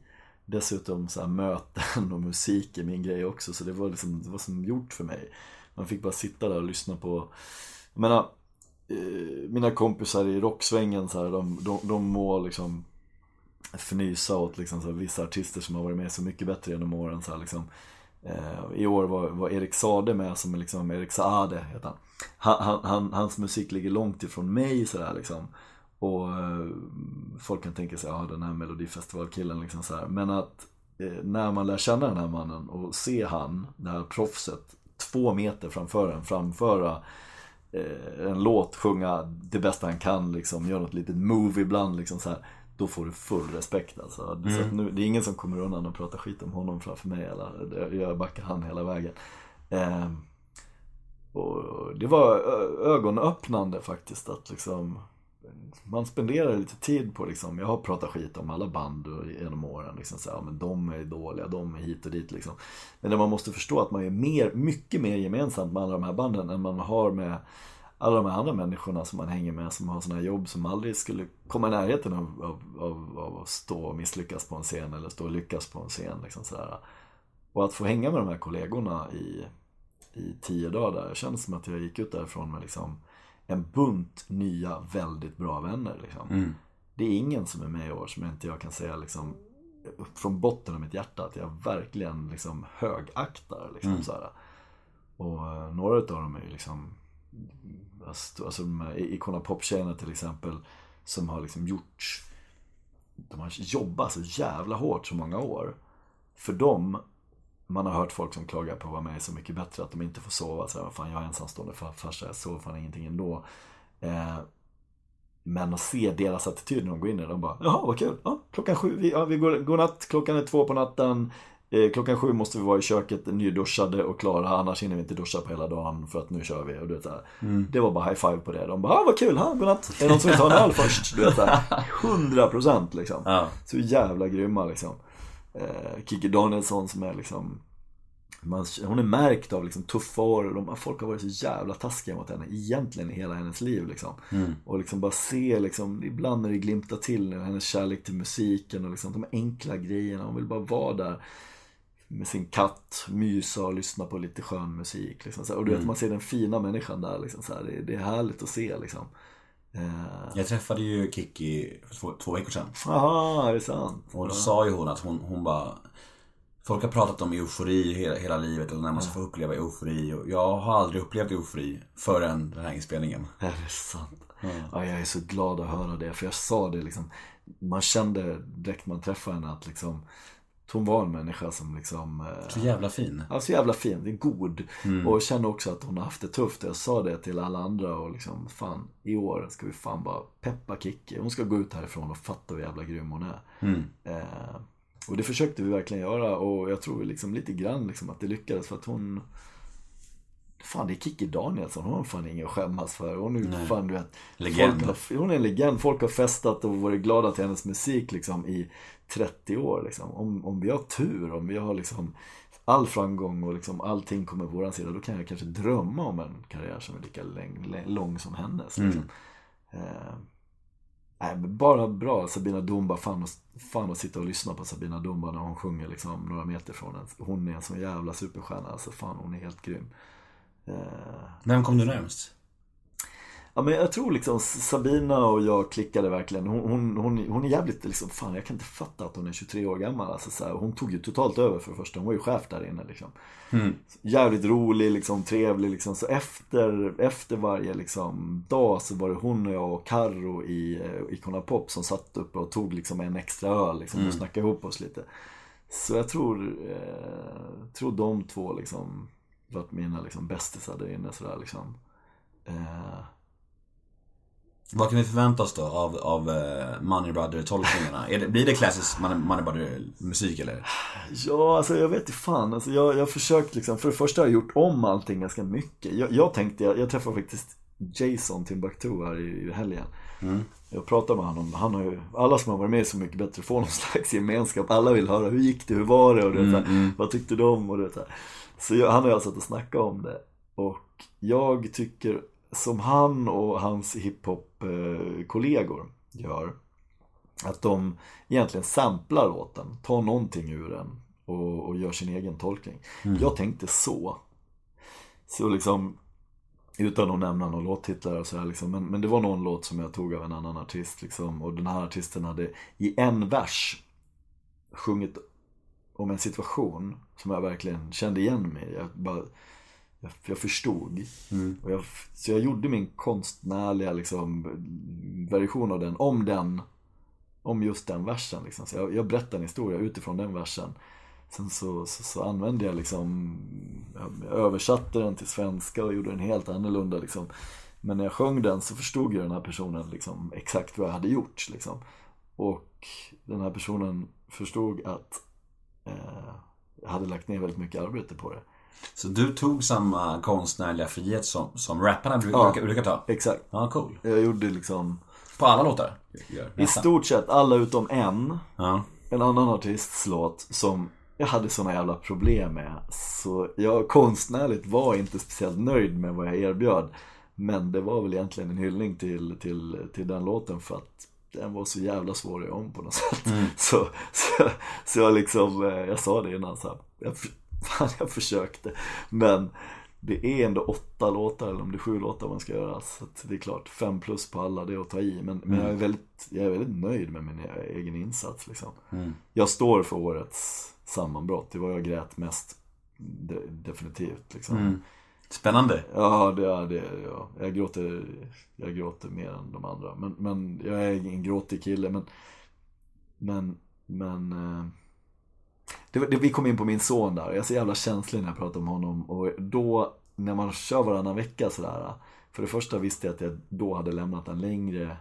Så där länge har jag aldrig varit ifrån honom. Och så var det typ tredje dagen, vilket är nästan den värsta dagen. För det är när liksom det är fortfarande saknad, det har inte blivit längtan liksom. Mm. Så, eh, och så var det så här, det var så fin stämning i den där, du vet, så alla är så här snälla liksom. Man känner som man är, en, man är en säker plats på något sätt. Och de ställer så här, bara fan. Du verkar tycka om din son väldigt mycket. Man bara, nej men vad fan. alltså, alltså det, ah, shit, det var tufft alltså. Men, eh, men, men samtidigt, eh, fan alltså, ja, jag vet inte riktigt. Det, tyvärr får man ju inte göra det två gånger, men jävlar vad kul det var alltså. Mm. Eh, Det ska bli spännande att se. Ja, shit för mig också. Jag har inte sett någonting förstås. Liksom. Jag har inte hört. Jo, det var en annan artist som spelade upp någonting för mig. Som, som liksom, så jag har hört någon av tolkningarna av, mina låtar efter det. Liksom. Eh, Men jag vet inte alls. Jag kan inte, jag undrar hur jag ser ut liksom, i ansiktet. För jag förstår, alltså, det var så stor känsla. Liksom. Mm. Ja, det var bra spridning också. Jag tänkte liksom fan. Jag trodde väl kanske att folk skulle ta liksom de, de fem största hitsen typ så här, liksom, och, och göra liksom låtar. Kanske att det skulle koncentrera sig från de första tre skivorna så här, liksom. Men det var så bra ut. Någon hade gjort något från den senaste plattan och någon från någonting som var väldigt tidigt liksom så här, Så att eh, Mm. eh, de hade gjort en bra research så där, liksom. Vi går ett, vidare. hal- fick ett halsband av Uno Svenningsson häromdagen. Ja, Kom hem på posten. Ja. Nej, så jävla fina människor. Nu tror jag jag har nämnt alla liksom. Men det är verkligen att Thomas Andersson vi är värsta geniet också. Det var man inte oro, orolig för liksom. Så det var, nej, det var jävligt kul. Grymt. Eh, jag vill fråga dig vad du har för relation till alkohol. Jag dricker ganska mycket eh, om man jämför med liksom sådär. I och med att det, det finns liksom alltid på, om jag ska spela så står det ju på riden att det måste finnas liksom whisky och lite öl och sådär. Och jag älskar verkligen att, jag är lite, jag är nervös fortfarande när jag går på scenen. Jag älskar att ta liksom en öl och en liten whisky när jag går på scenen. Och det gör jag nästan jämt om, det, om, jag- inte måste köra bil liksom. Samtidigt så dricker jag aldrig liksom min grej är att jag, liksom, jag bor själv med min son. Om någonting händer mitt i natten så måste jag kunna köra han till sjukhuset. Eller liksom bära han huset eller vad det nu är. Liksom, man har katastroftankar. Liksom, så, så jag dricker inte med honom. Jag dricker inte framför honom så att jag blir berusad. Eh, jag har respekt för honom för jag vet hur det är. Liksom, om, har en förälder, om man är själv med sin förälder så fan i hans ålder, han har ingen annan. Det liksom, finns ju ingen han kan lita på. Eh, vem som helst kan komma och lyfta iväg med honom. Eh, Så han måste liksom kunna lita på mig och att inte jag blir personlighetsförändrad framför ögonen på honom. Liksom. Mm. När han blir äldre hoppas jag absolut att jag kan liksom dricka vin och liksom så här, att han får en naturlig liksom relation till det på ett sätt. Eh, för jag tror inte att jag är, liksom, kommer att bli nykterist någon gång. Eh, men eh, eh, det är ungefär som med mat. Jag äter allt. Jag är inte allergisk mot något. Och jag äter allt. Jag, jag kan äta jävla skalbaggar om de lägger fram skalbaggar. Liksom. För jag är, och reser så pass mycket så ibland äter jag jävligt konstiga grejer. Men eh, jag gör det för att liksom kunna vara så effektiv som människa som möjligt. Liksom, och inte liksom, det ska vara så lite strul med mig som möjligt. Och på samma sätt så dricker jag. Liksom. Och jag har aldrig haft det speciellt jättedåligt ölsinne. Så jag hamnar liksom aldrig riktigt i slagsmål och sådana grejer. Jag har aldrig varit med om. Liksom. Så att jag... ehm, ja. Jag kör på med det. Men, men jag, eh, jag tycker det är så kul. Jag tycker det är så trevligt. Liksom. Du dricker inte alls, eller hur? Nej. Nej, de, folk slutar ju med det ibland. Men, Ja, för min del var det väl lite mycket konsekvenser till slut. ja, det, precis. det, det, kostade mer vad det smakade. man säga. Ja, jo, men jag förstår. Den, den, den, jag har många polare som kommer till den, till den punkten liksom. Men... eh, Då gäller det faktiskt att kunna vara ärlig mot sig själv också. Det, är- det, är, det, Ja. svår, det är det svåraste. Här, nu, Precis. nu är det lite för mycket skit faktiskt. Ja. Och jag har ju jättestor respekt i och med att jag har sett liksom baksidan av det hela mitt liv. Liksom. Mm, Många andra i min familj har slutat dricka. Eh, Men, eh, men jag tycker fortfarande det. Så jag är intresserad av vin. Liksom. Jag tycker att det liksom förhöjer liksom mitt liv på många olika sätt. Jag är ärligt talat ganska intresserad av sprit också. Liksom. Jag tycker att eh, eh, så länge som jag liksom Jag tror inte att jag lever i förnekelse och att det egentligen försämrar mitt liv väldigt mycket. Men en sak kan jag ju säga att jag är så förbannat jävla trött på att vara bakfull. Att vakna upp på en jävla hotell någonstans och behöva sätta sig i någon buss och må dåligt. Det är det värsta jag vet. Så, jag dricker inte jättemycket på turné. Det har jag aldrig egentligen gjort för att jag är sångare och rösten försvinner ifall du står och skriker på nätterna. Och, och grejen är att när jag dricker så blir jag så jävla pratig liksom. Mm. Så min röst försvinner efter ett litet tag. Jag har respekt mot min publik och arrangörer så, alltså, så dricker jag inte speciellt mycket på turné. Hur är det med droger då? Är du liberal? Jag tycker folk kan få liksom, det måste man väl säga att jag är, men, men själv har jag nästan aldrig ens testat något liksom. Jag har, jag har handen på hjärtat aldrig ens testat kokain. När jag flyttade till Stockholm när jag var liten så hamnade jag i så här klubbkretsar där folk höll på liksom med, med liksom ecstasy och såna här grejer liksom. Och, så jag testade liksom några sådana grejer vid några tillfällen. Jag testade LSD vid några tillfällen, mitt livs absolut sämsta natt. Jag trodde fan, det är så jävla konstig drog liksom. Att folk betalar för att bli helt jävla fucked up liksom. Du vet, efter liksom 10 minuter i det där känner jag så här, nu är jag ju sinnessjuk. Mm. Jag tänker ju och ser massa grejer som inte finns. Det är ett sjukdomstillstånd. Mm. Det här kan man ju inte hålla på och betala för.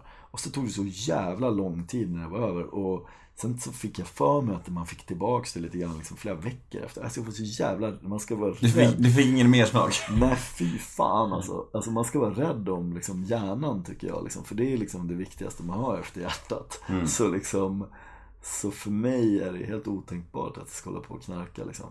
Eh, det har verkligen aldrig varit min grej. Sen ibland så hamnar jag i, i, i, i sällskap där folk liksom sitter liksom tittar på stjärnorna och röker lite gräs vid något tillfälle. Och då kan det hända att jag att jag är med på det vid något, alltså det har hänt men men, Men du är ändå musiker, du kanske kan komma undan med det känner jag på något sätt. Ja, man kan väl nästan se det som någon slags inspiration grej så här. Men det är inte det riktigt. Jag, jag, jag har sån jävla respekt för det. Jag är livrädd att jag skulle liksom råka få i mig någonting och så blir man förändrad på något sätt. För jag vet att liksom många utav mina kompisar som har rökt mycket eller som har knarkat mycket genom åren, de är ju inte riktigt samma personer. Och det är jag livrädd för, att det skulle bli någon sån här förändring liksom. Eh, ah, så att jag liksom, ja, jag, men, liksom men, men däremot så liksom är jag kan umgås med både knarkare och prostituerade och allting utan att kasta några stenar. Liksom. Jag, liksom, jag, har- jag, jag, jag, jag skuldbelägger inte folk och jag ser folk som kämpar och respekterar folks beslut här i livet. Jag, har en li- jag hyser inga agg mot min farsa för att han är vuxen, han fick bestämma själv. Liksom. Jag, jag tycker, det är hans loss. Liksom. Det är synd att han liksom eh, han hade kunnat haft världens roligaste liv med mig och min son liksom. Men eh, Ja, vad, har ni, vad, vad har ni för relation idag? vi har ingen kontakt. Alls? Eh, kan man, det måste man nog säga att vi inte har. nej. Hur gammal är han? 67. Det är ingen, han hade ju kunnat sp- springa mar, mar, maraton, maraton om han hade velat. Han är ju inte så jävla gammal. Snygg var han en gång i tiden och liksom var atletisk och liksom smart. Liksom. Fan, han, det, det, är en tuff, det är en tuff sjukdom när alkoholism, om man nu tycker att det är en sjukdom. Och många är ju inne på det. Jag har lite svårt att se det som en sjukdom. Men cancer, det är en sjukdom. Fan, du, får du det, det är helt jävla orättvist. Det slår dig bara, liksom, det är vad det är. Liksom. Jag vet att många hävdar att alkoholism är exakt samma grej. Och, Men om det inte är en sjukdom, varför super du och knarkar folk ihjäl sig då? Tänker du? ja, men alltså, alltså det är klart, jag menar det, det är klart alltså om du, om du står inför valet då, då Skulle du liksom välja att få cancer eller alkoholism då, liksom? Alltså jag, det känns som att det, det är disrespektfull mot någon som har en riktig jävla sjukdom och prata om det som att, jag vet inte. Mm. Men jag, det, men ja, jag, jag, jag förstår, jag menar liksom, det förstör ju folks liv i liksom, och det här medberoendet som liksom familjer får och så, det är hemska, hemska grejer liksom. Men jag tycker liksom, jag vet inte. Sluta, Men vänta, det- sluta knarka då. Ja, det, Förlåt, jag, jag har stor respekt för vad du har gått igenom i, i många år här liksom. jag känner att jag, skulle, jag skulle kunna gå igång här Ja, känner ja, jag, men jag låter det jag, vara. jag säger bara såhär, ut och spring eller någonting, ung jävel. Sluta knarka, vad fan vad dum du är. Lägg av med det där. Ta, släpp det, släpp, släpp ner det på marken. Sen låter du ligga där, så är det klart. Fan, jag skulle lyssna på Money Brother när jag låg där och hade överdos. Jag skulle sluta knarka bara, det var ju så enkelt. Ja, men vi går vidare. Jag, jag har respekt för att det inte är det i alla fall. Shit Ja. man. Jag, jag, jag, har sett, eh, jag har sett på nära håll folk som försöker att ta sig ur det och, och i många, många år och, och, och gör ett mycket sämre jobb än vad God bless you som du har lyckats med. Men, men, men, men ja. Nej, jag fattar. Alltså. Men, men alltså, när mår, du, när mår du som sämst då idag? Om, om vi bortser från bakfyllorna. När, när, när får du ångest idag? När mår du som sämst? Alltså jag är nog ändå... Åh shit. Jag måste fundera lite på den alltså, för det är ju klart det finns sådana tillfällen. Um...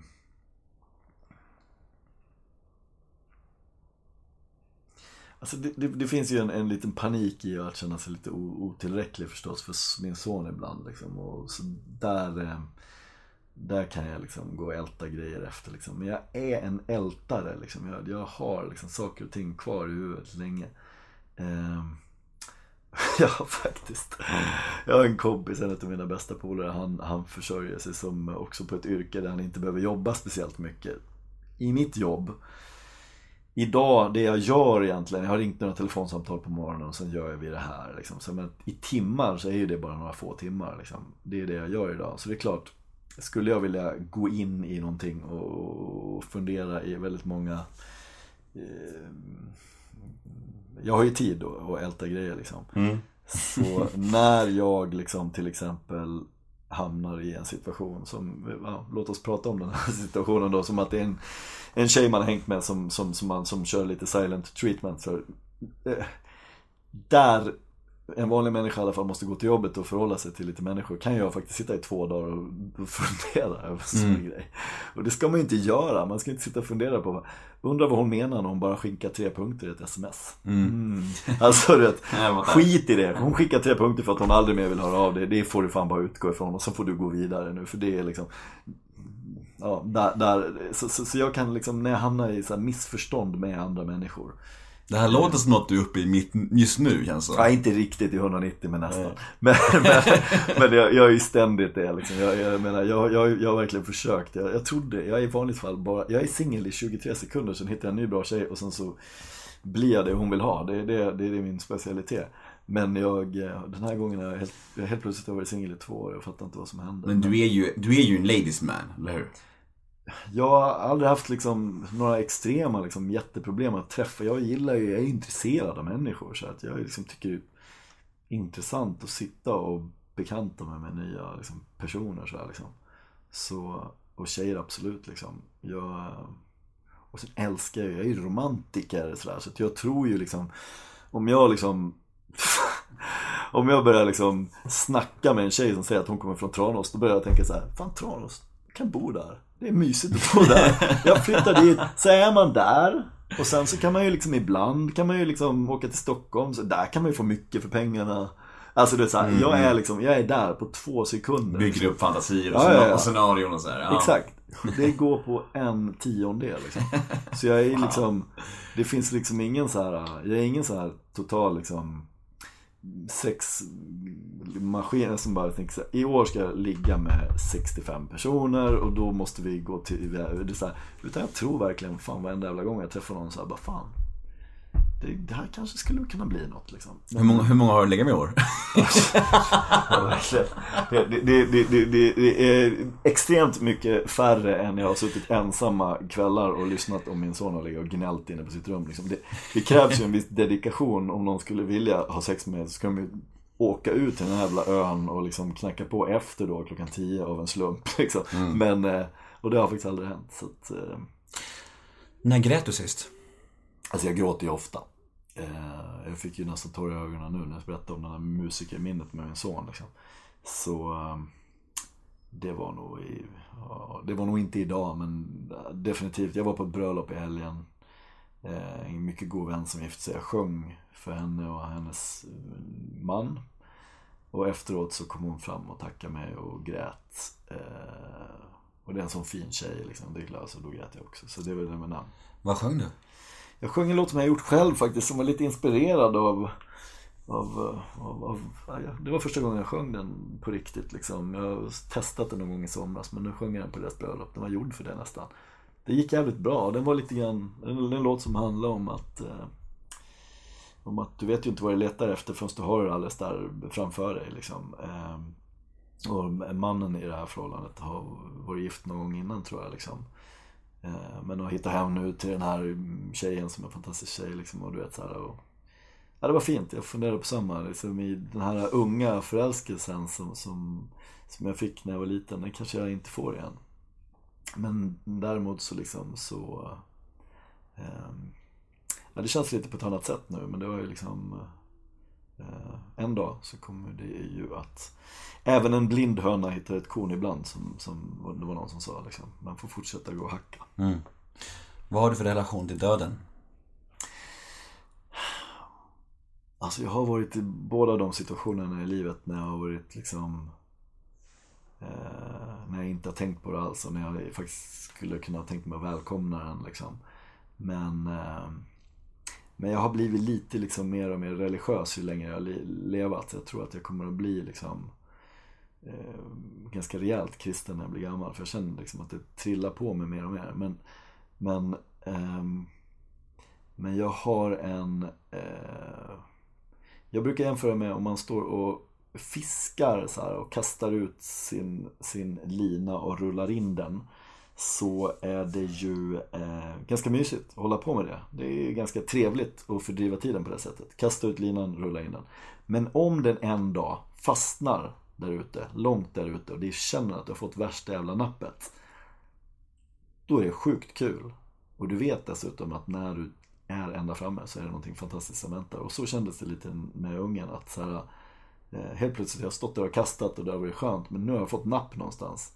Och nu står jag bara liksom långsamt njuter av att hålla in där för att det blir ju faktiskt Fan varenda dag en överraskning liksom så här, och det eh, Jag vet inte riktigt. Det är positivt, det är skönt med det här Så mycket bättre grejen så här. Helt plötsligt så är det liksom Så uh, Fick jag jävligt mycket att göra, det var jävligt kul liksom, höll på med musik, jag gjorde de här låtarna så här, Det var väldigt kul, av bara farten kom jag igång Jag ska spela in nästa vecka några av mina nya egna låtar så här, liksom.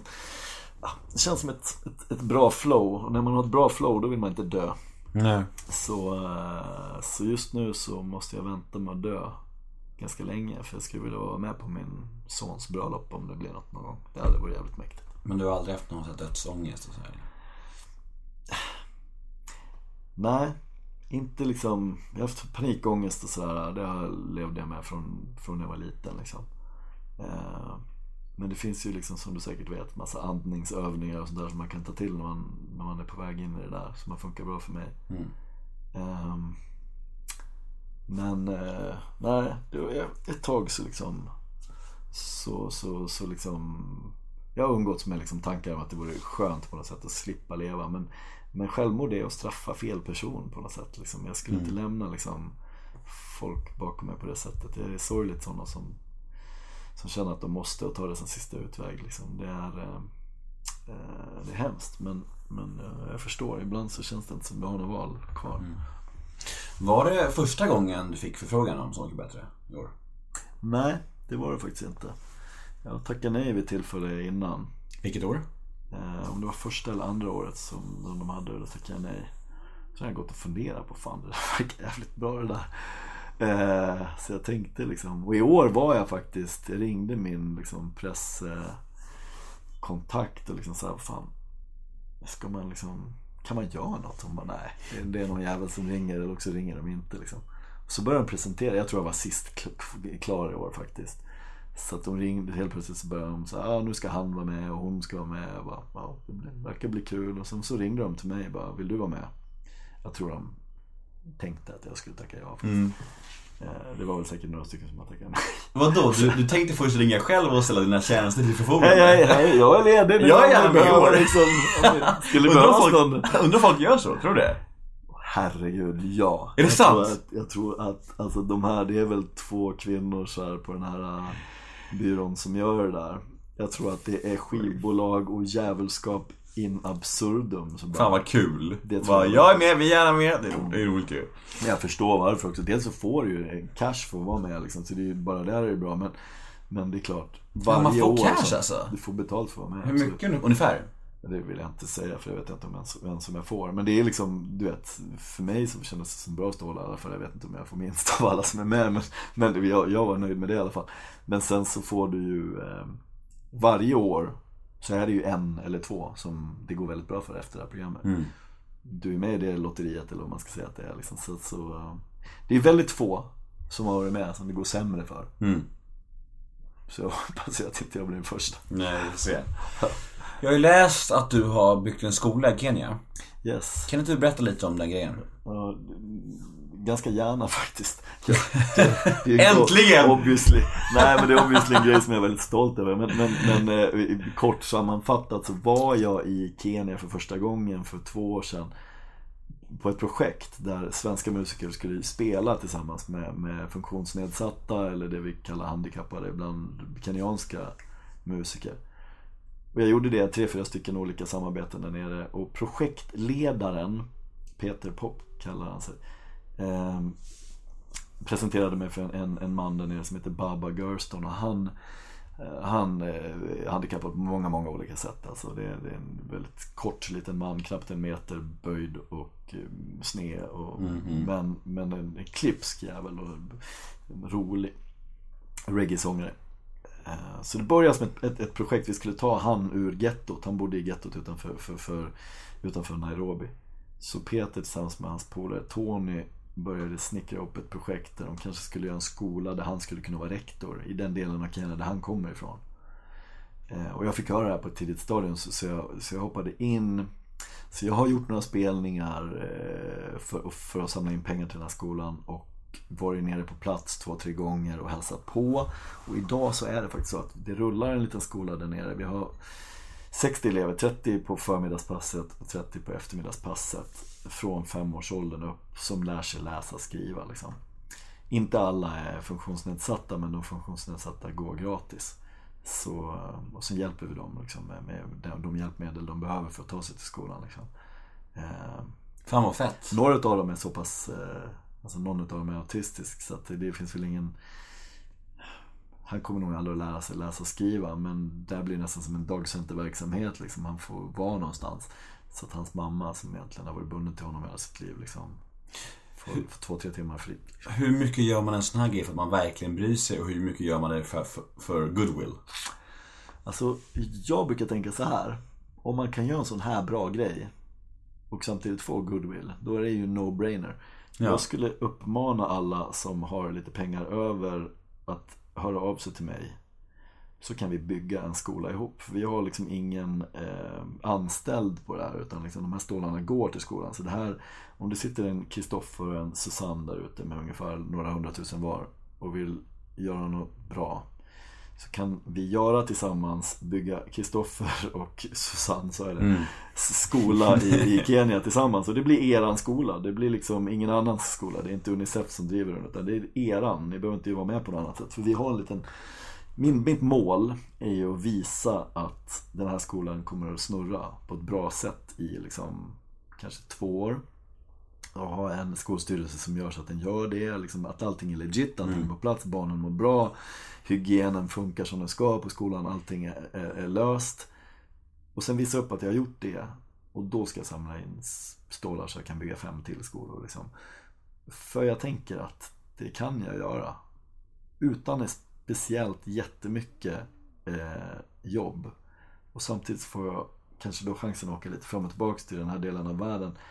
Kenya har värsta stränderna, det kan surfa där, det, det har värst, bästa safarin i hela världen. Och Kilimanjaro, liksom. Nairobi är väl skrämmande men en spännande stad. Liksom. Jag kan åka dit med min son kanske, liksom. vi kan vara på safari så här, och samtidigt har man en bra grej på gång där. Ja, för mig så har det faktiskt berikat mitt liv jävligt mycket att hålla på med det här. Jag känner eh, Jag känner att det är verkligen en sån extremt positiv energi. Det är så intressant. Jag tycker det är så bra svar av dig. För att jag tror att det var, jag tror det var Jonas Gardell som, som så här swishade 200 000 till eh, Unicef, något sånt där, och la upp det på Twitter. Och då fick han lite kritik för att varför visar du upp det för? Ja. Men samtidigt, han swishar ju trots allt 200 lax. Ja, vet, hellre göra det och visa upp den och inte göra någonting alls. Ja, ja, det är klart. Så men jag det är- håller med. Och det, det, liksom... Och det är ju...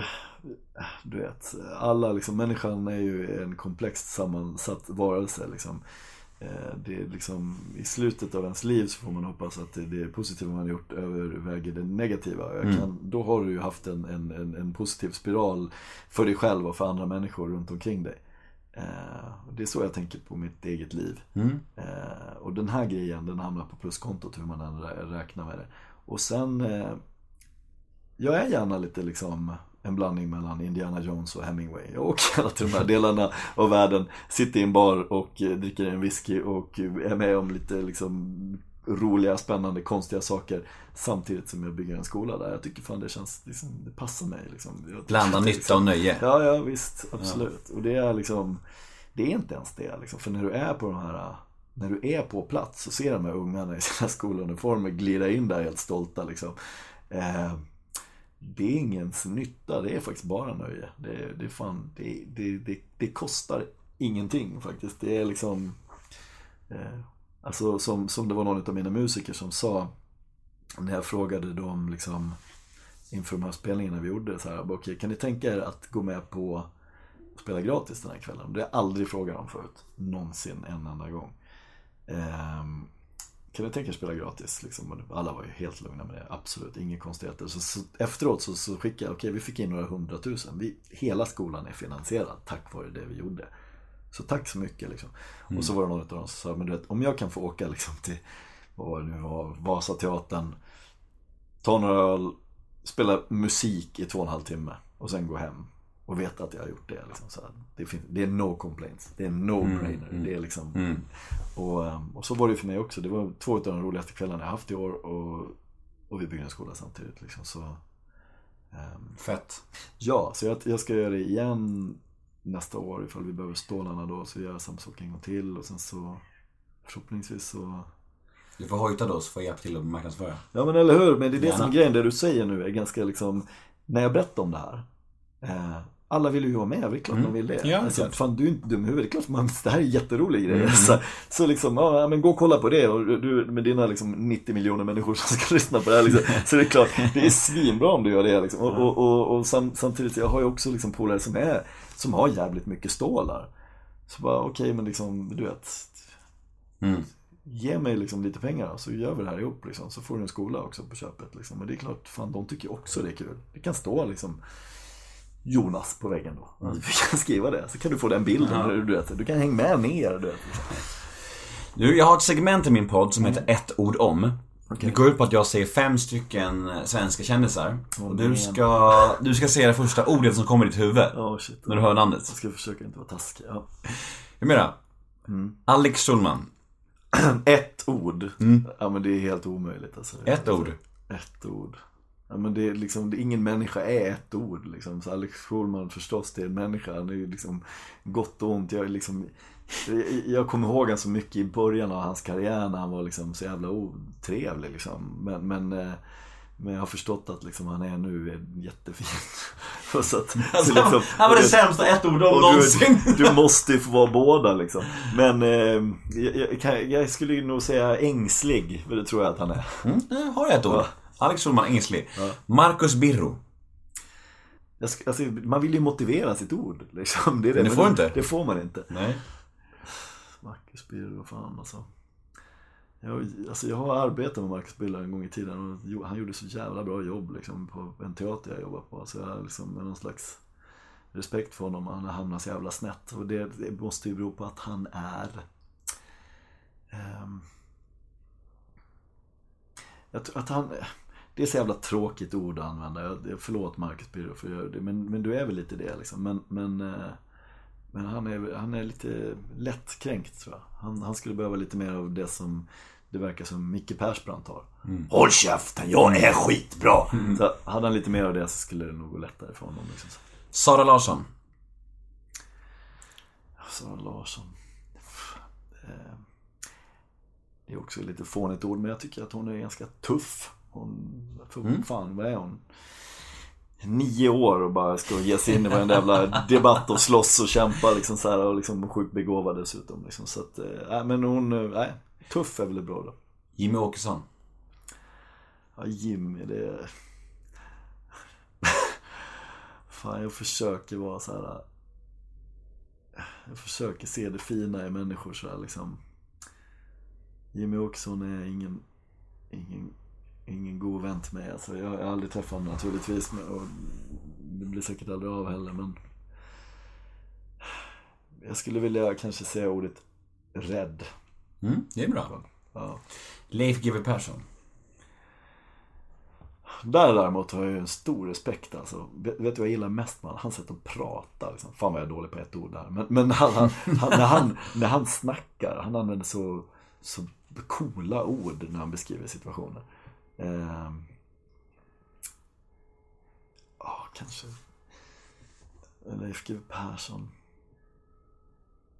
Jag skulle vilja säga mäktig kanske. Att jag, han, han, jag blir lite starstruck. Jag ser han ibland ute på, på krogen. Han har ju en intressant alkoholism också. Att han kör så här äh, nyktert halvår och sen bara kör han järnet. Det verkar ohälsosamt men Jag har ju hört dock på villovägar att, att hans nyktra år så kä- käkar han lugnande istället. Så jag vet inte hur nyktert det är. Alltså, oh ja, you gotta do what you do.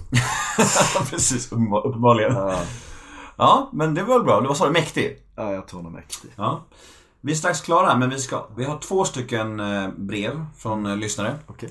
Eh, Första lyder så här. Hej Anders! 2004 ställde du upp i ett musikaliskt projekt för RKU, Revolutionär Kommunistisk Ungdom.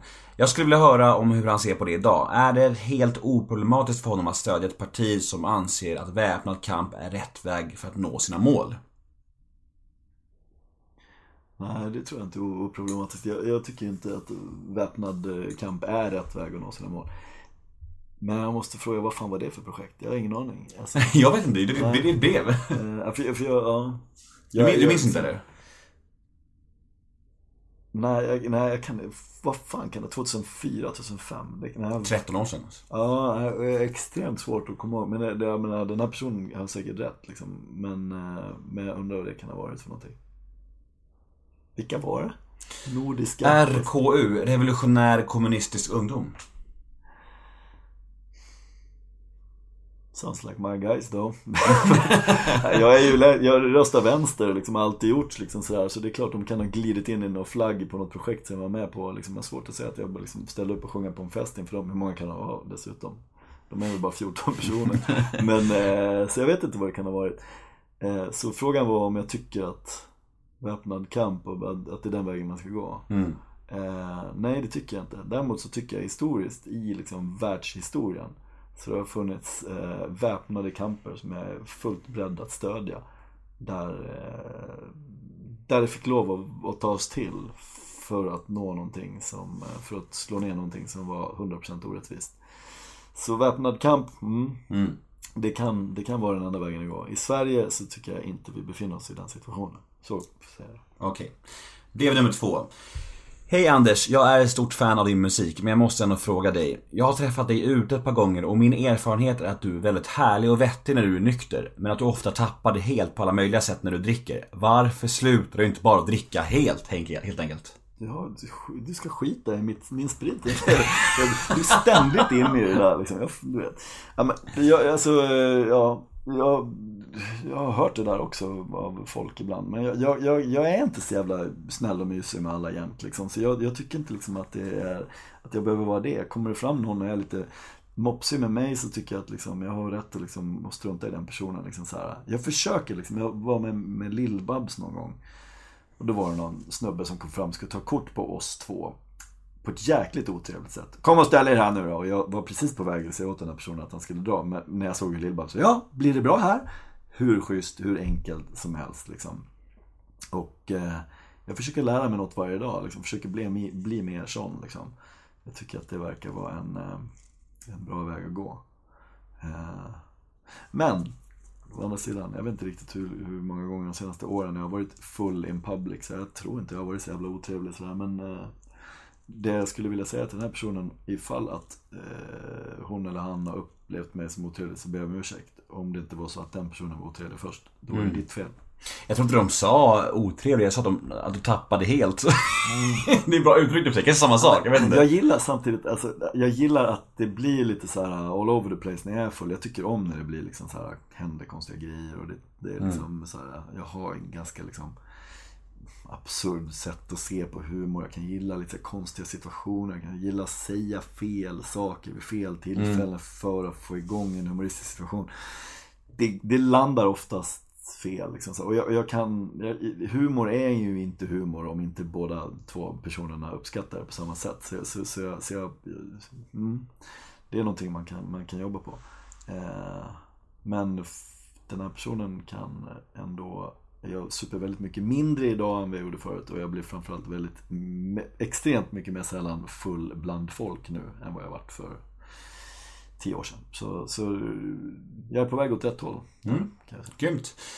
Om man vill följa dig på sociala medier, vart finns du och vad heter du? Åh gud jag är så dålig på sociala medier. Men jag heter Anders Vendin som tror det eller ej är mitt riktiga coola namn. Som är, det heter jag på Instagram. Där har jag några följare. Typ 23 stycken. Sen så finns jag som Moneybrother på Facebook. Där har jag kanske 33 stycken. Så, att, så jag har liksom där och där lägger jag aldrig upp något. Fast på Instagram så har jag liksom börjat jobba lite på det. Drog till och med upp en sån här Instagram live här för ett tag sedan. Liksom. Så, ehm, så, men du vet, jag är 42 år liksom, så här, för det är inte meningen att jag ska vara svinbra på, på, på Instagram liksom. Men, eh, men jag, sköter, jag sköter dem i alla fall själv eh, delvis. Min Moneybrother Facebook-sida har jag någon annan som kollar ibland. Men, eh, men min Instagram är all me.